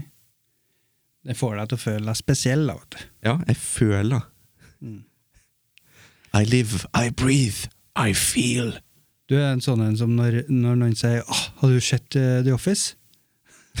Og så sier du Ja, bri- britiske, ja. Ikke amerikanske, nei. Ikke amerikanske. Eller The, The Ring? Ja, sorry, det japanske. Å, oh, Gud. ja. Har har jeg blitt en sånn snobb? Nei, for all del, du er lang vei Ja. Ja, det er få filmsnobber som har Golden Eye som sin nummer én noensinne. Det skal jeg ha. Men skal vi ha litt honorable mentions? Ja, vi må det. For det er der eh, Jeg har kommet på to nå, Mm. som ikke er på min eh, på lista her, da. Jeg har jo, jeg har jo mange. Du har kommet på to til? Jeg har det. Oi. Ikke lov, det. Jo. Men hvis vi går litt sånn raskere gjennom de, enn eh, hoved... uh, our Ja. main picks. Men egentlig, ok, for at eh, eh, det er en film, men det er liksom Og nå høres jo jeg ut som en snobb. Det er boka som uh, har gjort inntrykk på meg, Ok. ikke filmen. Mm. Jeg leste den for tolv år siden, tror jeg, og så mista jeg boka.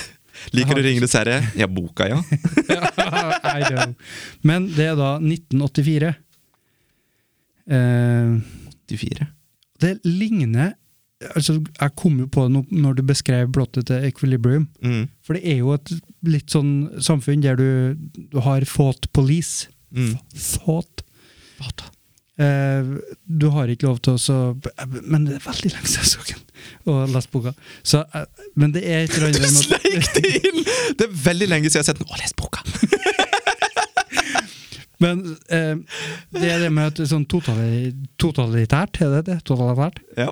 Eh, samfunn. At du blir kontrollert, da. Du har eh, liksom Big Brother på toppen, og du må gjøre akkurat som vi sier, og du får ikke lov til å gjøre noe av det som egentlig er det til et menneske, da. Mm. Og um, det- er så dyster eh, stemning i den boka. Det er noen sånn parti i den boka der, der du Han finner noe sånn eh, eh, Ikke en bibel, men noe sånt greier, som noen har skrevet, og så er det plutselig 20 sider fra det på et veldig sånn rart teknisk språk, som var veldig tungt å lese. For du leste boka. Mm. eh, jeg, jeg skjønner at du gjør narr av meg nå, Stig. Det er lov. Eh, så det, det er tungt å lese noe av det, men ah, det var bra. Og, men filmen Jeg tror jeg har sett den én gang, men det var liksom ikke helt store. Okay. Eh, Vi for Vendetta, sett den? Ja. Han kjempeslemme, stygge fyren. Han eh, på toppen, han på TV-skjermen, liksom, som bare ja. Det er ikke lov til å gjøre noe. Mm. Det er han som spilte han eh, protagonisten. Han som blir liksom tyna Ok. i 1984. Så det er helt garantert en, en grunn til at han Ja, en liten wink-wink? Ja, en sånn eh, easter egg. Ja, for det, sånn er det jo i Equilibri Equilibri Equilibrium òg. Der Ja. har du en kar på TV-en som forteller sånn 'Derfor tar vi piller, derfor gjør vi sånn. Hør på Mm. meg'. Og, og, det- og det som jeg syns er veldig fascinerende med Du vrir det tilbake til Equilibrium. Ja, ja? Ja, ja. Eh, det som jeg syns er veldig fascinerende med Equilibrium, det er jo det at eh, jeg føler at det er en veldig gjennomtenkt film. Mm. Fordi at hvis du tenker over det De tar den pilla for de vil unngå krig. Krig er ikke bra, sant? Eh, og så har du en motstandsbevegelse og en fyr, hovedpersonen, som da bestemmer seg for å ikke ta pilla, for at det de gjør, er feil. og måten han da bestemmer seg for å liksom ja, få vekk det der totalitære Mm. regimet, det er rett og slett krig. Ja, jeg skjønner. Så egentlig, ut ifra det du kan tolke på filmen, er at ja, da er vi på vei mot fjerde verdenskrig. Ja. Altså, det, det ligger litt i lufta hvem som har eh, rett, på Ja. måte. Mm. Selv om vi er jo helt på Team Bale, Ja. så er det litt sånn food for thought. Mhm. Eh, andre enn jeg kom på, som ikke er en film i det hele tatt, en serie, Eller det en bok? eh, det er Rick and Morty. Å, ja. For det er jo science fiction. Det er jo 100 science fiction-plott i tre episoder. Mm. Den må nevnes. Jeg måtte bare nevne Ja, ja, det som er så kult med Rick and Morty, for det ser jo ut Altså Hvis det er noen som hører på som ikke har sett Rick and Morty, så ser det jo ut som bare en til sånn Family Guy-type serie. Mm. Eh, liksom, og morsom humor, eh, krass humor for voksne, på en måte. Eh, I animert form. Men det, det er som du sier, det er så sykt mange bra sci-fi-konsepter. Det er liksom så, akkurat som du sier. Jeg sier hva det sa om igjen, jeg! Ja. Uh, for å Med poengtere. Ja, med dialekt. Det, det, det, I én episode så finner du kanskje tre forskjellige sykt kule sci-fi-konsept som kunne vært en film hver. Mm. Og det, det er helt vanvittig hvor, hvor, ja, hvor interessant noe er. Og så er det jo sykt morsomt. Mm. Eh, skal, skal du nevne noen, eller skal jeg Jeg skal jeg komme med en liten honorable mensch. Ja. eh, jeg har jo en som heter eh, Ready Player One. Ok, du har med din, ja. Ja, den har jeg sett at du har gitt ganske lav score på Letterboxd, Jørund. Mm. Shame on you. Uh, nei, du har gitt den fire stjerner, du. Ja, det? Du har det. Du har gitt den akkurat det samme som meg. Ja ja, whatever. Men uansett, jeg er jo eh, veldig sånn eh, forkjemper for VR. Jeg syns jo VR er framtida, liksom. Det er uten tvil. Eh, og den filmen her tar jo det bare et steg videre. I at hva om VR blir livet til folk? Hva om liksom det er der ting skjer, istedenfor på in the real world? Og det er jo òg en film som jeg har Hvis iTunes kunne telt hvor mange ganger du har avspilt en film, så hadde den vært på topp. Fordi det er den jeg testa hele anlegget med. Den biljaktscenen i starten. Å! Steike meg, da får du testa atmosen, for å si det mildt! Så det. Jeg har enda en eh, serie. Men det, det er en lang episode. da. Ok? Det er Black Mirror, San Junipero. Åh, ja. Og det er jo samme greie som jeg snakker om nå! Det er jo VR. Ish. Ja, kanskje. Ja, det er jo det. Trenger ikke si mer, bare fortsett. For det, men en nydelig serie, og Mm. San Junipero er den episoden jeg har sett flest ganger. Ja. Og den er konevennlig. Ja, veldig. Det, det syns jeg er veldig positivt. Så søk opp det, for det er på Netflix, sant? Black Mirror? Eh, Ja, i hvert fall sist jeg sjekka. Ja. San Junipero. Sesong to? Jeg tror det er tre. Tre? Eh, kanskje se. Står ikke. Står ikke. Ok. Men da skal jeg komme med en eh, En som du i hvert fall ikke hadde tatt med på lista, jeg er rimelig sikker på. Mm -hmm. det er Serenity. Har du hørt om den? Jeg har hørt om den, men eh, jeg veit ikke hva den handler om. Jeg har ikke sett den. Nei, for det, den er jo eh, filmatisering av en TV-serie, på en måte. En TV-serie som heter Firefly, som jeg syns er den beste sci-fi-TV-serien noensinne. Og ja. Jeg, jeg føler ikke jeg trenger å si så mye mer, men se den. Bra. Sånn Unipero var sesong tre, episode fire. Ok. Eh, neste ja. Jeg har jo slengt på Jurassic Park, Ja. bare for å ha den med. Jeg har slengt på Star Wars, bare faen. Og så har jeg slengt på Terminator 2, bare for å ha den med. Jeg tok med Total Recall, bare for å ha den med. Jeg hadde nå bare med Contact, jeg, da. Bare for å ha den med. Jeg Bare for å ha den med, så tok jeg faktisk òg med eh, War of the Worlds! Den vi trasha i stad for at det var plagsomme kids med. ja. Eh, jeg har nå med The Abyss okay. av James Cameron. Jeg tok nå bare med The Martian. Eh, jeg har nå eh, med en film med John Travolta som spiller Nicholas Cage, som spiller John Travolta. Oh my god! Face-off! Ja, bare for å ha den med. Bare for å ha den med. Jeg, jeg har ikke med noen flere. Eh, Men jeg har noe med The Fly òg, da. Oh, The Fly! Ja. Og likeens som Interstellar, Science og Prometheus, så hadde jeg med den bare for å ha dem med. da. Ja, du hadde det med bare for å ha den med. Ok, det har vært slitsomt. Ja. Skal vi, skal vi takke oss av, da? Ja, Takk, Jørn. vær så god. Vær så god! Skal du takke meg? Sjøl takk. Takk. Men uh, vi må si takk til dem som hører på. Ja. For nå, jeg tror det er mer enn fem nå. Det er det. Jeg har sagt hele tida at det er bare fem som hører på. Ja, Nå tror jeg det er kanskje sju. Det er jo konge. ja det, det øker stadig. Ja. Det er kanskje. Det det er ganske mye mer enn sju. Ja. ja ni Nei.